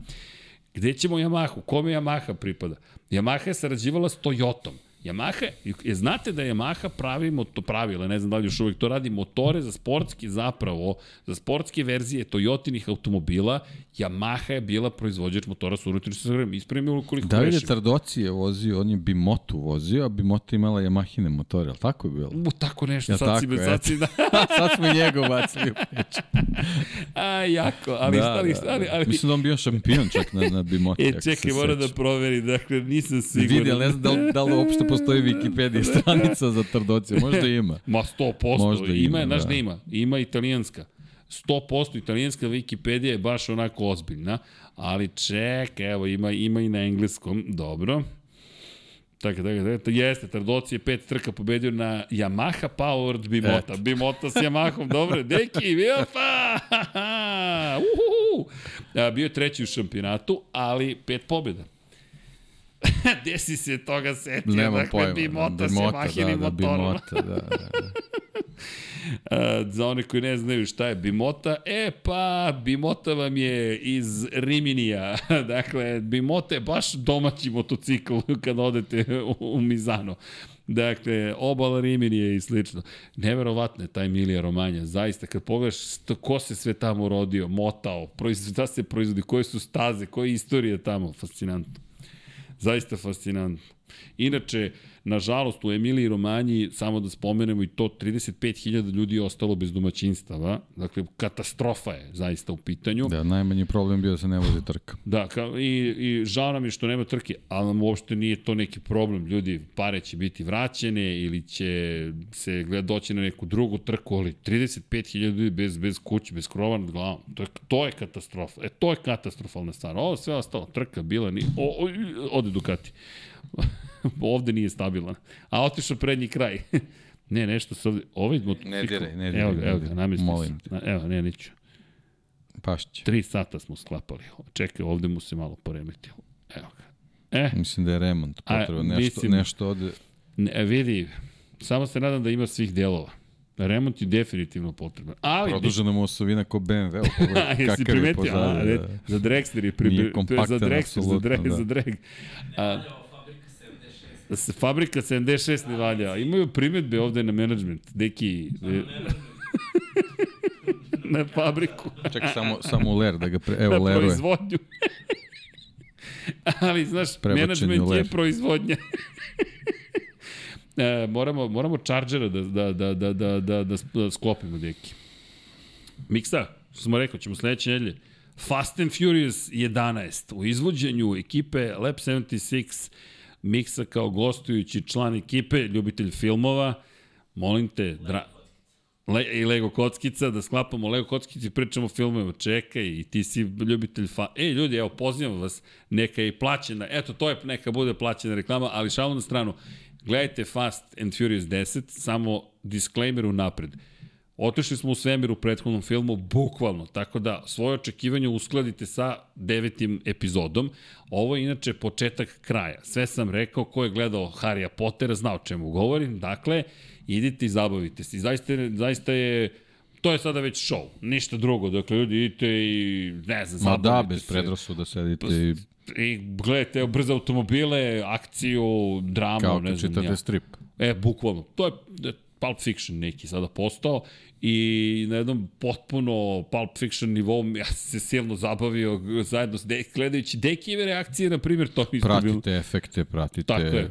IMAX kako je snimljeno. U, ozbiljno je snimljeno. Da. Da. IMAX, da, i Cineplex IMAX galerija Beograd, to je jedini IMAX koji ja znam u Srbiji. Ljudi, gde god da živite, nađite IMAX neki, neku dvoranu i, i uživajte, zabavite se. Kakve veze ima? Brzi su automobili. Ima lepih automobila. Ima i nekih manje lepih, ali generalno njih raznesu. Pa ups, dobro, ups, otkrio sam. Da. ups, spoiler. Ali Dobro, to imaju u traileru, tako da To se... imaju u traileru, da, da, da. Oprao si se, okej. Da, oprao sam se. Da, ali činjenice, ej, da, i pozdrav za ekipu iz Paramount Films, dakle, to su ljudi s kojima smo mi sada već drugari, ja ne znam ni kada šta bih drugo rekao, i, i zaista je lepo, mada svaki put popijemo copyright claim kada, kada pustimo reklamu, pa moramo da pišemo, da, da pišu univerzalu da nam skinu copyright claim, ali ne, sve, sve je to za ljude. Mada, Miksa, koliko vidim, još nismo popili copyright claim tokom ovog streama. Ti si sredio za svojih prijatelja. Zvao si YouTube preko veze, jako. I tako, ej, mi se bar lepo zabavljamo. Um, Don Srki, uh, ode Ducati, izgleda da mi ste na- na- naslutili pad banjaje, od, izgleda mi da ste naslutili pad banjaju. A, ne, nije, nije, nije. Nema to veze klasa. Klasa ni dojeni predosti nemaju titul su legende. Binder i Mili su Moto3 vozači za njih dvojice. Dobro, sad ne bih išao tako daleko, ali činjenice da, da imaju druge stvari. Don Srki, ne znam šta sam uradio. Don Srleone. Film Bleja, tako je. Prvo 3-4 dela ok, posle Milk the Cow. Mi to ne bismo smeli da kažemo, ali poštujemo vaše mišljenje kao naših gledalaca. Da li... Samo ću vam reći, nemojte da izađete, ovaj, sačekajte, pročitajte sva ona slova, nešto će se desiti na kraju. Na kraju, Nemojte da. da, ustajete. Nemojte da ustajete, Čim da. mislite da je tako kraj, nije je, kraj. Tako je, tako je, tako je, tako je, tako je. E, da, ima još jedna, da, da ima jedna tu bitna stvar u celoj priči, a to je, ja volim da sedim i kad nema ničega posle svih tih ljudi, znam da i Deki voli, znaš, Ja volim, zato što svašta se sazna iz onih slova, Tako verujte je. mi. Ima, možete mnogo toga da pročitate i još jedna stvar. Poštovanje prema svima koji učestvuju u stvaranju tako nečega. Jer iza kulisa to je, ljudi, ozbiljna fabrika. I meni je to mnogo lepo i da gledam i da gledam kako rade i šta rade i nekako to inspiriše i nas ovde iza kulisa da sređujemo stvari i, i tada i tada i tada sad bih nešto rekao, ali bolje da ćutim.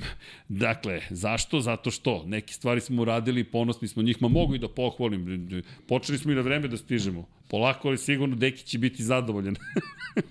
Polako, Deki bi nas pobio sve, što nije 21.00.00, ali Deki težimo tome, ogrize se za usnu, znači, ni brkovi ne mogu sakriti, pobio bi nas, ali dobro. Uh, radimo ga na gnev po tom pitanju, ali deki, sredit ćemo. Bez brige, mašina će biti zategnuta, evo gledam Čika Miksu, s druge strane, stream smo sredili, smo sredili stream.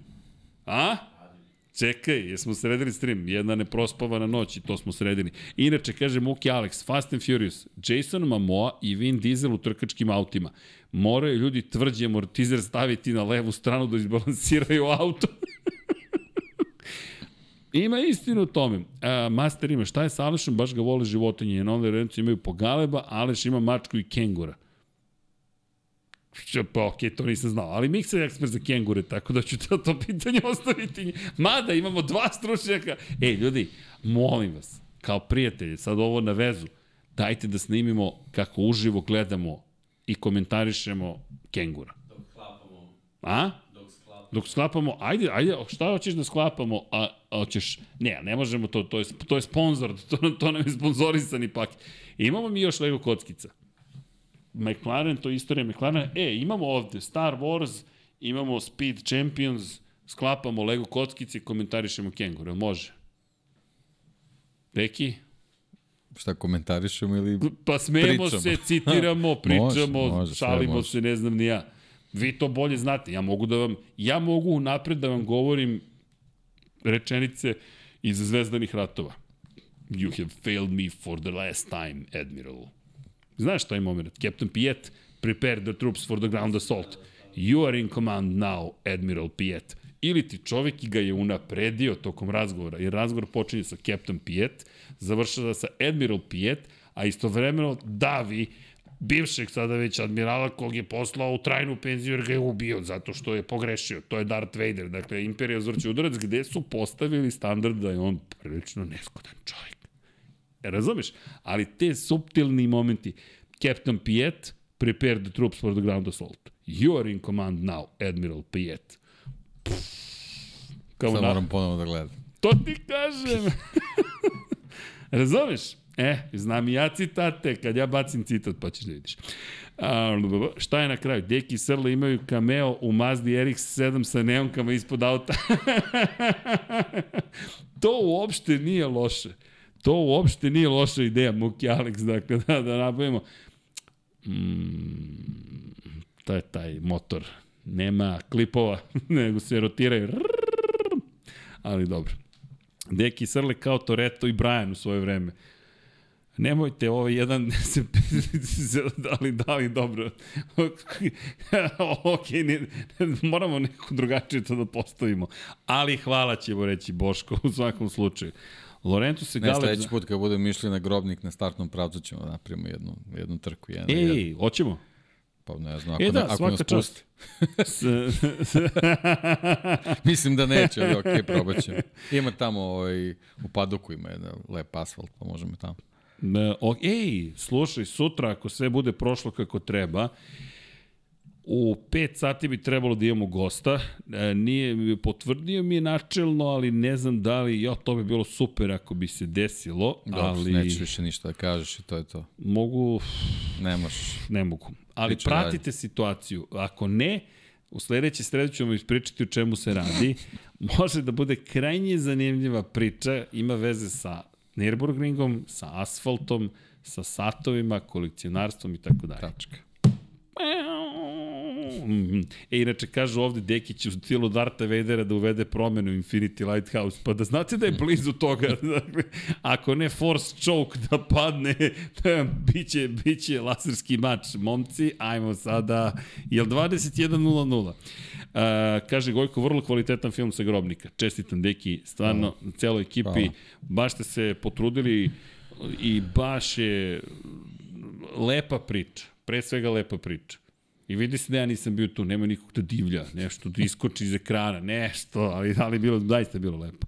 Deki Ne, trebali su ti malo neki elementi da, da nas na taj način povežu kao što ti umeš, ali mislim da da smo donekle Ne, dočarali je stvari koliko je lepo. nama bilo zabavno tamo. Baš je ali, bilo lepo. ovaj, Videla se stvarno- vaša stvarno, sreća. m, Sad ponovo, ja kad sam gledao taj film, stvarno onako ovaj, jedno nezaborno iskustvo i ponovo hvala Miksi i Tokio što su, što su meni omogućili, si kažem, što su nam Što su omogućili, nama, ali- nažalost, ali da, da, da. Ovaj, mislim da bi bilo samo, samo još kvalitetnije i zabavnije, ali meni je stvarno bilo super i, i hvala im na tom. Da, i da sednemo, nadam se u narednih nedelju dana da, da sa Tokim i Miksom postavimo neke stvari, da, da ih pogu, da, da se svi poguramo, da pokrenu svoj podcast i da to krene, da se vrti, da se krenu, da se pričaju priče sa ovih prostora.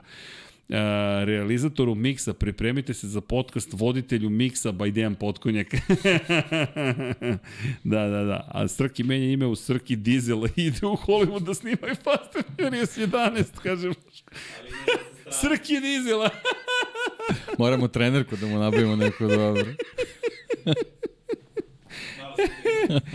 Srki Diesel i Deki Elektrik. Da. One, znaš one ljubičasto zelene što su bili sa onim prelevima. O, je se sećaš? Seća se. Ali mora majica da ide unutra. To, to mora trenerka. Trenerka. Unutra, ne majica. Kožnjak. Nabavit ćemo, nabavit ćemo. Da, da, imao sam si, poslednji put kad sam imao situaciju, kad sam nosio pončo po Beogradu, čovjek me zaista zbunjeno gledao na semaforu, ali dobro. I tako, kao što vidite, pauza između trka, pa se ekipa ovde raspustila, ovo nije ni opuštanje, ovo je raspuštanje. Ali, deki, imamo mi još nešto da dodamo u celoj priči? Pa Kaži, ne, mislim sad... A imamo mi nekako, uvek nešto da ispričamo. Da, sad, nam, sad nam dolazi taj, taj ono, ultra trkački vikend, ali na četiri točka. Ej, da, da, 500 milija Indianapolisa, pa, da, velika da, da, nagrada Monaka. Baš će biti lepo. Ljudi u nedelju ne, ne, nema dremke. Je Monako, voleli ga ili ne, to je Monako. I da, što Deki kaže, kamione teraju po ulicama Monaka, 5,5 metara su dugački bolidi, ali i to je veština sa tako velikim bolidima provesti tu stazu. A pritom ih voze brže nego ikada. Nemojte taj isto moment zaboraviti, to se pocenjuju moderni vozači. Nije to tako jednostavno, samo sedneš u bolid i vezeš. Verujte, nije, nije.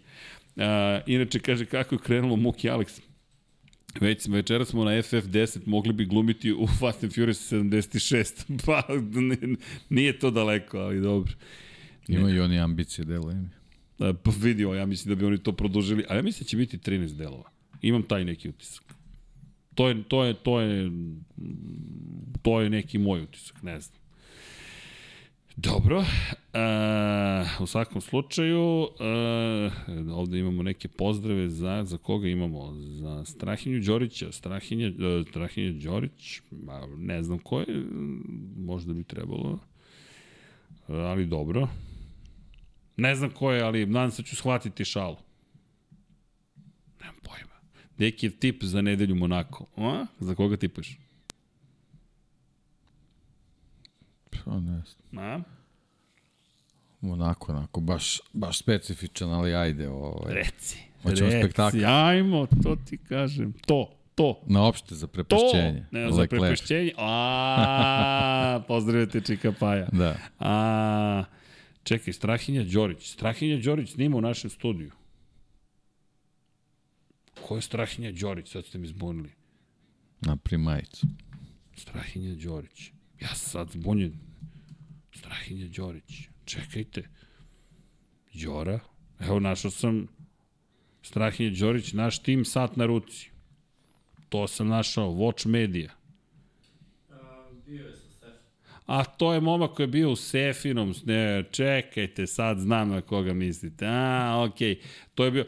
Ma mi podržavamo studente, šta vam je? Došli studenti, davali nam program i kažu koliko treba da platimo i Zbor radnih ljudi Infinity Lighthouse je rekao ništa, deca, vi nemate šta da platite, vi treba da samo snimate da budete vredni studenti, a podržat će vas ekipa. Ali? Porodica. Kako? Porodica. Porodica. Fast and Furious. Porodica na prvom mestu. To, to.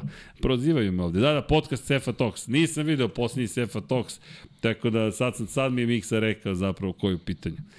Pa i Srki student. E, nećemo da se vređamo, ali, ali to je činjenica da sam student. To je fakat, dakle još uvek. Zapravo, da, ispisao sam se sa mašinice i tehnološkog. Nisam se ispisao sa filološkog. Puštaj Patreon, nisam. da, Srki podržava kolegi studente. e, a zamisli da im odem sada na vežbe iz japanskog 3 Konnichiwa, watashi wa nihongo no gakusei desu. Nisam svoje veštine koristio u Japanu previše strahovo sam će me neko shvatiti ozbiljno. Hvala na podršci od člana ekipe, ma dušane, to je najmanje što možemo da uradimo, šta vam je, pa, pa treba da vas podržavamo. Ne, nego ćemo vama da naplatimo. Naravno da vama nećemo, sponsorima hoćemo, vrlo rado, ali vama, šta ćemo vama da naplatimo? Ajte, molim, samo vi užimajte. Miksa ekspert za vidre i pacove. to, to, to iz 99 jardi. E, vreme je da se polako odjavljamo. Mislim da, da. Ljudi, e, šta da vam kažemo? Ajmo ovako, imamo tužne, imamo lepe teme, imamo vesele teme. Prva stvar koju hoću da kažem jeste, mazite se, zaista i pazite se. I, i svodite računa jedni drugima. Možda nekom to zvuči kao floskula, ali nije. E, ljudi koji me poznaju znaju da ja nisam najnežniji svakoga dana, ali je to mantra. Trudimo se da budemo nežni. Ako planemo da kažemo nekome, ej, izvini, to nije lepo što sam uradio, pokušavam da budem bolji od samog sebe. Sve mi osjećamo frustraciju ponekad, osjećamo radost, osjećamo tugu, bes, kako god, pritisak svakako. Dakle, ljudi iz ne znam kojeg razloga i kad nema potrebe za pritiskom neki dali od svoje nesigurnosti, strahova, dižu drugima pritisak, vrše pritisak i tako dalje. Neki smo podložni pritiscima, neki smo manje podložni pritiscima, ali to je mantra, mazite se i pazite se. I e, čak i da ne verujete u nju, verujte, ako je ponovite dovoljno puta, možda ćete pomisliti, čekaj, stvarno bih mogao da budem nežniji, da se mazim više i pazim, što sebe, što druge, I, I dajte da pričamo. I, I ako se ne slažemo, dajte da pričamo argumentovano. Nemojte da svedemo sve na lične uvrede. Ti si ovaka, ti si onaka, ti će mi kažeš, ja, znaš, od kad ja pratim Formulu 1 i Moto Grand Prix. Pratim ja odavno, što ne znači da ne grešim. Naprotiv, često grešim, nemam problem sa time, vi ste tu da me ispravite, ja sam tu takođe ukoliko mogu da pomogu, ne da se ispravim, nego da kažem, e, moje sjećanje kaže ovo, aj proverimo. Ali to nije, e, vidi ko je pametniji, nije pametniji. Budemo fini jedni prema drugima, nije, nije to valjda toliko skupo. Evo, kao što smo mi danas ustanovili da naše sećanje ne radi po nekako. Gde, što bi rekao Bajaga, jel te, ne radi. I, ali mi je fascinantno. Malo nam je bilo to, zabavno. Zabavno. Mi udari, udari smo po Suzukiju i ti i ja, kakav crni Suzuki, čovjek s Hondom bio vice šampion i evo svoju super sportu titulu sa Hondom. Ali dobro. Ali dobro. Sad smo to zapamtili do sutra. Tako je.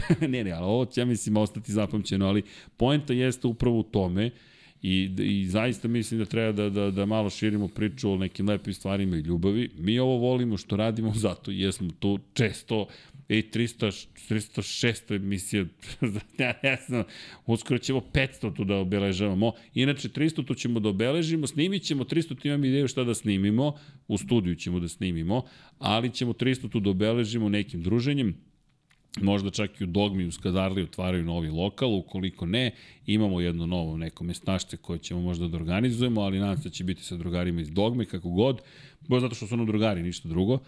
Poenta jeste u tome da, eto, i ukoliko se osjećate da ste na granici, gledajte 99 yardi, jedan na jedan, Lab 76, nađite neki lep YouTube kanal, šalite se, uživajte, zabavite se, ne, ne dajte se. Jednostavno, postoji sigurno neko kome je stalo do vas, ko vas voli, čak i kada se osjećate da je najgore, imate SOS telefon, okrenite SOS telefon, evo ja ću ga pročitati ponovo, ne znam ga na pamet, ali 0800 iz Srbije, 309 309, opcija 1, SOS telefon. Radi 24 časa dnevno. Još jedna stvar, nije sramota obratiti se za pomoć. Apsolutno nije sramota obratiti se za pomoć.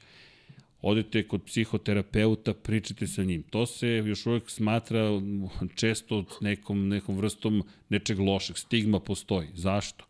Ako možemo da vežbamo mišiće, ruke, noge, možemo i glave, I to ne znači da vam nešto nedostaje ako ste otišli kod psihoterapeuta ili ako vas on uputi kod psihijatra koji vam da lekove. Hemija zna da se promeni u mozgu. Ljudi, mi smo biomehanička bića. Sinapse znaju da se poremete, ne funkcionišu, nešto se desilo i tako dalje.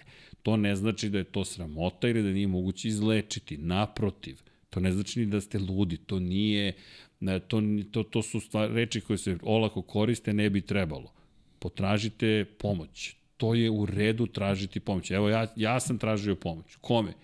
Dekiju, Paji, Miksi, prijateljima, porodici, devojci, mami, tati, kada sam imao najčudnije epizodu u životu, baš kada sam bio mlad. Ja sam rekao, ljudi, jel treba da kod psihijatra? Ajmo da idemo kod psihijatra. EEG sam uradio, kažu, suđeni, sve radi kako treba, talasi su okej, okay, hemija je okej. Okay. Mladalačka kriza, šta mi se dešavalo? Sanjao sam snove koji su se i pretvarali u stvarnost par meseci kasnije. I šta se ispostavi? Postoji i racionalno objašnjenje, postoji racionalno objašnjenje. Racionalno je mnogo volim da čitam, analitički mi je um i ja neke stvari tako spojim. I postoji nešto što se zove cognitive bias. Ja sam samo pamtio stvari koje su se ostvarile, koje sam sanjao. Sve ostalo što nisam zapamtio, jer se nije desilo, sam zaboravio. Statistička analiza kaže, kada bih zapisao svaki svoj san, pitanje je koliko bih se tih snova zaista ostvarilo. I ne, ja ne predviđam budućnost, nego samo sam uplašen bio čovek koji je kad se nešto desi što je sanjao pomislio šta sad, šta sad ovo znači. Apsolutno ništa. I verujte, popisivo sam snove i na kraju se ispostavilo pa i baš i nemam moć, nemam moć predviđanja budućnosti. Inače bi vam rekao ko pobeđuje u Monaku u nedelju. Ali nisam imao strah da se suočim sa time. Hvala mami i tati što su me podržali, baš sam bio mlad. Rekli su, sine, mi smo uz tebe, ajmo da vidimo šta je. Na kraju se ispostavilo da jednostavno moja glava tako radi, ja sam prihvatio moju glavu, tako radi, sanjam, zapišem ako je zanimljivo i rekli su mi piši knjige, nisam još napisao knjigu, čika urednik me gleda značajno i sad sam sebe uvalio u nevolju. Darth, Darth Dejan će me eliminisati. Ali hoću da vam kažem, ljudi, sa tim god da se suočavate, postoje rešenja, ajmo da pričamo jedni s drugima, volite se, mazite se, pazite se, budite dobri jedni prema drugima, ovde imate podršku, neće vas čak ni pozivati na one redovne stvari koje na kraju spomenem od Patreona, shopova i svega ostalog, samo želim da vam kažem, budite dobri, volite se, zaista mazite se, pazite se, pročitat ćemo imena svih Patreona, naravno i YouTubera, u znak zahvalnosti, neko mi je to dosadno, ja mislim da nije dosadno, ja mislim da to divno i da treba čitati ta imena i prezimena, to su vaše imena i prezimena i kao što smo napisali pre neki dan 25.000 subscribera, hvala vam na tome, preko 10 miliona pregleda za, za vreme postajanja našeg kanala. Trenutno smo u nekoj fazi za koju nemamo baš racionalno objašnjenje. Umeđu vremenu 25.000 dođe smo na 25.600, trenutno imamo preko milion pregleda mesečno, nemamo pojma kako. Ja, ja ću reći, cela formula, mi nemamo pojma, mi ćemo nastaviti da pričamo utorkom i sredom u Formuli 1 Moto Grand Prix-u. Miksa i Vanja, nemam pojma kad oni pričaju, oni pričaju kad, se, kad im se priča, jedan na jedan, pratite ih, zaista su divni, imamo tu zajedničku kulturu da, da zaista se trudimo pričamo pristojno, petkom 99 yardi, a Kosmos, pa Kosmos, Darth Dejan će mi... Pa ne, ja ću se sad samo nadovezati, ovaj, pošto redko to radim, pa možda ima neku težinu, ovaj, u principu i ne znate šta vas sve čeka. A, da. yes, master. e, I u to ime mi bismo vam poželjeli laku noć. E, sad ćemo da pročitamo vaše imena i onda ćemo tradicionalno da se pozdravimo.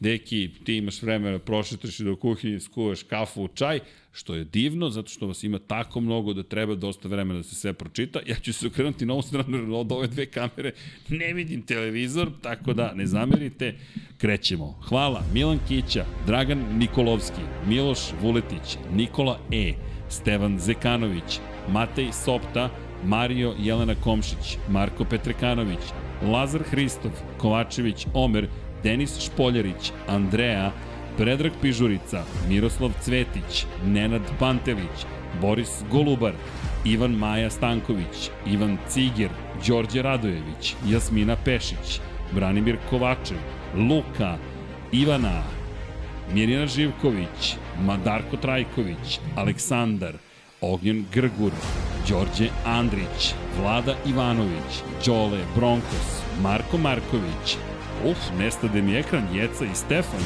Kristijan Šestak, Jelena Jeremić, Jasenko Samarđić, Ognjen Marinković, Miloš Todorov, Neđo Mališić, Đurđica Martinović, Boris Gvozden, Martin Gašpar, Borislav Jovanović, Salim Okanović, Marin Antunović, Živojin Petković, Aleksandar Mitrović, Daniel Kolobarić, Bojan Markov, Dejan Đokić, Stefan Ličina, Nikola Božinović, Marko Ćurčić, Alen Vuletić, Dušan Ristić, Ferenc Laslofi, Crnogorski džedaj, Ivan Panajotović, Boris Erceg, Sava Dugi, Zoltan Mezeji, Ivica, Anonimus Donatorus, Bojan Majstorović, Marko Blagojević, Andrija Todorović, Danijela Ilić, Stefan Radosavljević, Ivan Stefan Dulić, Vukašin Vučenović, Emir Mešić, Stefan Janković, Vučinić Miroslav, Vladimir Stojadinov, Aleksa Vučej,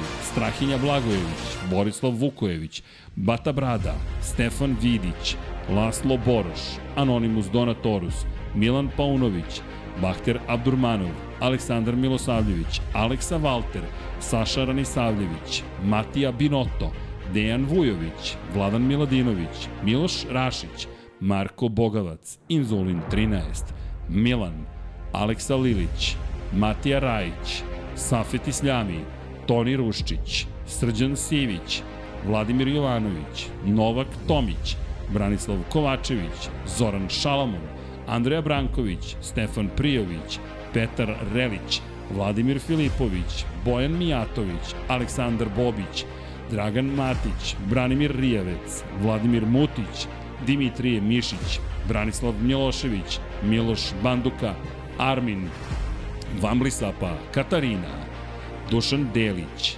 Nemanja Jeremić, Marko Horg, Vanja Radulović, Marko Mostarac, Nemanja Zagorac, Jelena Mak, Bojan Bogdanović, Ljubo Đurović, Šmeler, Mladen Mladenović, Danka, Milan Apro, Miloš Radosavljević, LFC, Ivan Rebac, Armin Durgut, Mladen Krstić, Vladimir Uskoković, Anonimus, Donatorus, Josip Kovačić, Mario Vidović, Nebojša Živanović, Da žena ne sazna, Ivan Milatović, Goša 46, Ivan Simeunović, Stefan Vuletić, Lazar Pejović, Ertan Prelić, Marko Kostić, Zlatko Vasić, Đole Kube 4, Stefan Nedeljković, Igor Gašparević, Vukašin Jekić, Mihovil Stamičar, Dorijan Kablar, Stefan Lešnjak, Žorž, Nedo Lepanović, Blufonac, Luka Manitašević, Igor Jankovski, Miloš Broćeta, Nemanja Miloradović, Aleksandar Anđelić, Zoran Majdov, Renata Neš, Aleksa Jelić, Aleksandar Banovac, Boris Kojundžić, Sean Hing, Igor Vučković, Marko Kozić, Klara Gašpar, Đerman, Lj. Đurović, Marko Radanović, Pavle Nj, Marina Mihajlović, Vladidov Dave, Branko Bisački, Optimistik, Josh Allen Fan, Gloria Edson, Nikola Marinković, Luka Martinović, Predrag Simić, Milan Nešković, Tijana Vidanović, Mirjana Kovačević, Kimi Rajkonen, klub štovatelja Ramona Mireza, Vuk Korać, Ivan Toškov, Stefan Milošević, Dejan Avić, Petar Nujić, Filip, Ante Primorac, Grgo Živaljić, Nedim Drljević, Branislav Marković, Jugoslav Krasnić, Branislav Dević, Monika Erceg, Aleksandar Jurić, Džigi Bao,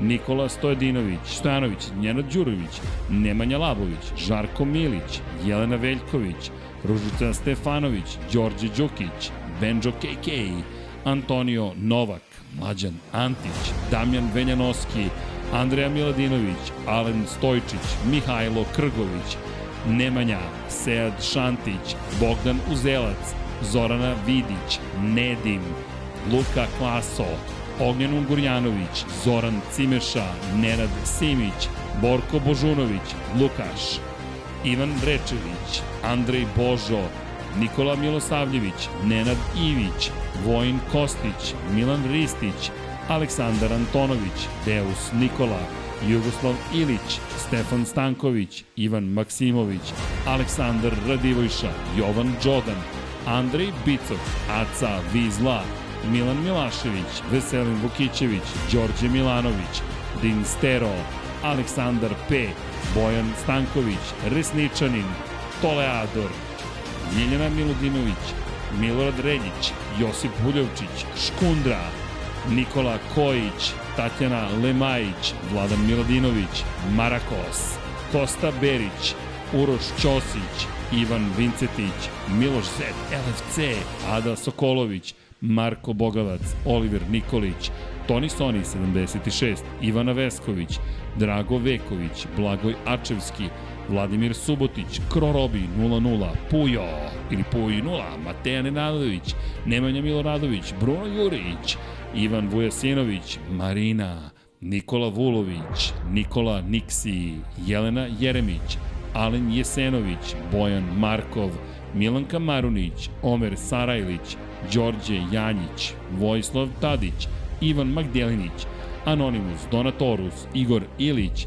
Goran Mrđenović, Nemanja, Domagoj Kovač, Aleks Vulović, Nikola Grđan, Đera 7, Nikola Petrović, Pavle Lukić, Vuk, Srđan Ćirić, Mensur Kurtagić, Uroš Čuturilo, Igor Ninić, Saša Stevanović, Miloš Stanimirović, Branislav Dević, Ivan Božanić, Aleksandar Kockar, Ivan Hornjak, Almedin Ahmetović, Bakadu, Nikola Božović, Dejan Plackov-Plackov, Nemanja Cimbaljević, Bojan Gitarić, Vlada Ivanović, Aleksandar Nikolić, Sejdo Mujčić, Dejan Janić, Galeksić, Jovan Bojanić, Marko Stojilković, Nemanja Bračko, Vladimir Vojčić, Milan Knežević, Petar Bjelić, Ehil, Mađar 007, Zlatko Marić, Žiksi, Maksi, korespondent, korespondent i Milan Kića ponovo kreće u krug, ako se ja ne varam.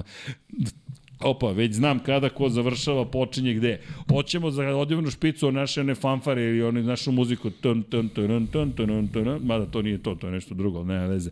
E, nisam, to ti kažem.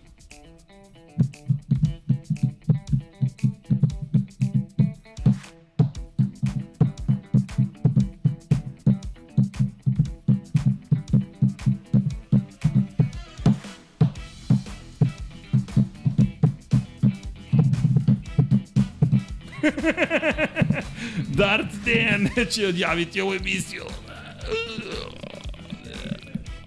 Dejane. E, u ime cele ekipe Lab 76 i Infinity Lighthouse ugasio me i DJ ovde. Želim da vam poželim laku noć, da pozdravim Dekije. Ako smem i da vam kažem, mazite se, pazite se, vozite računa jedni u drugima, volite se i Deki, hoćemo na 1, 2, 3. 1, 2, 3. Ćao, Ćao svima. svima.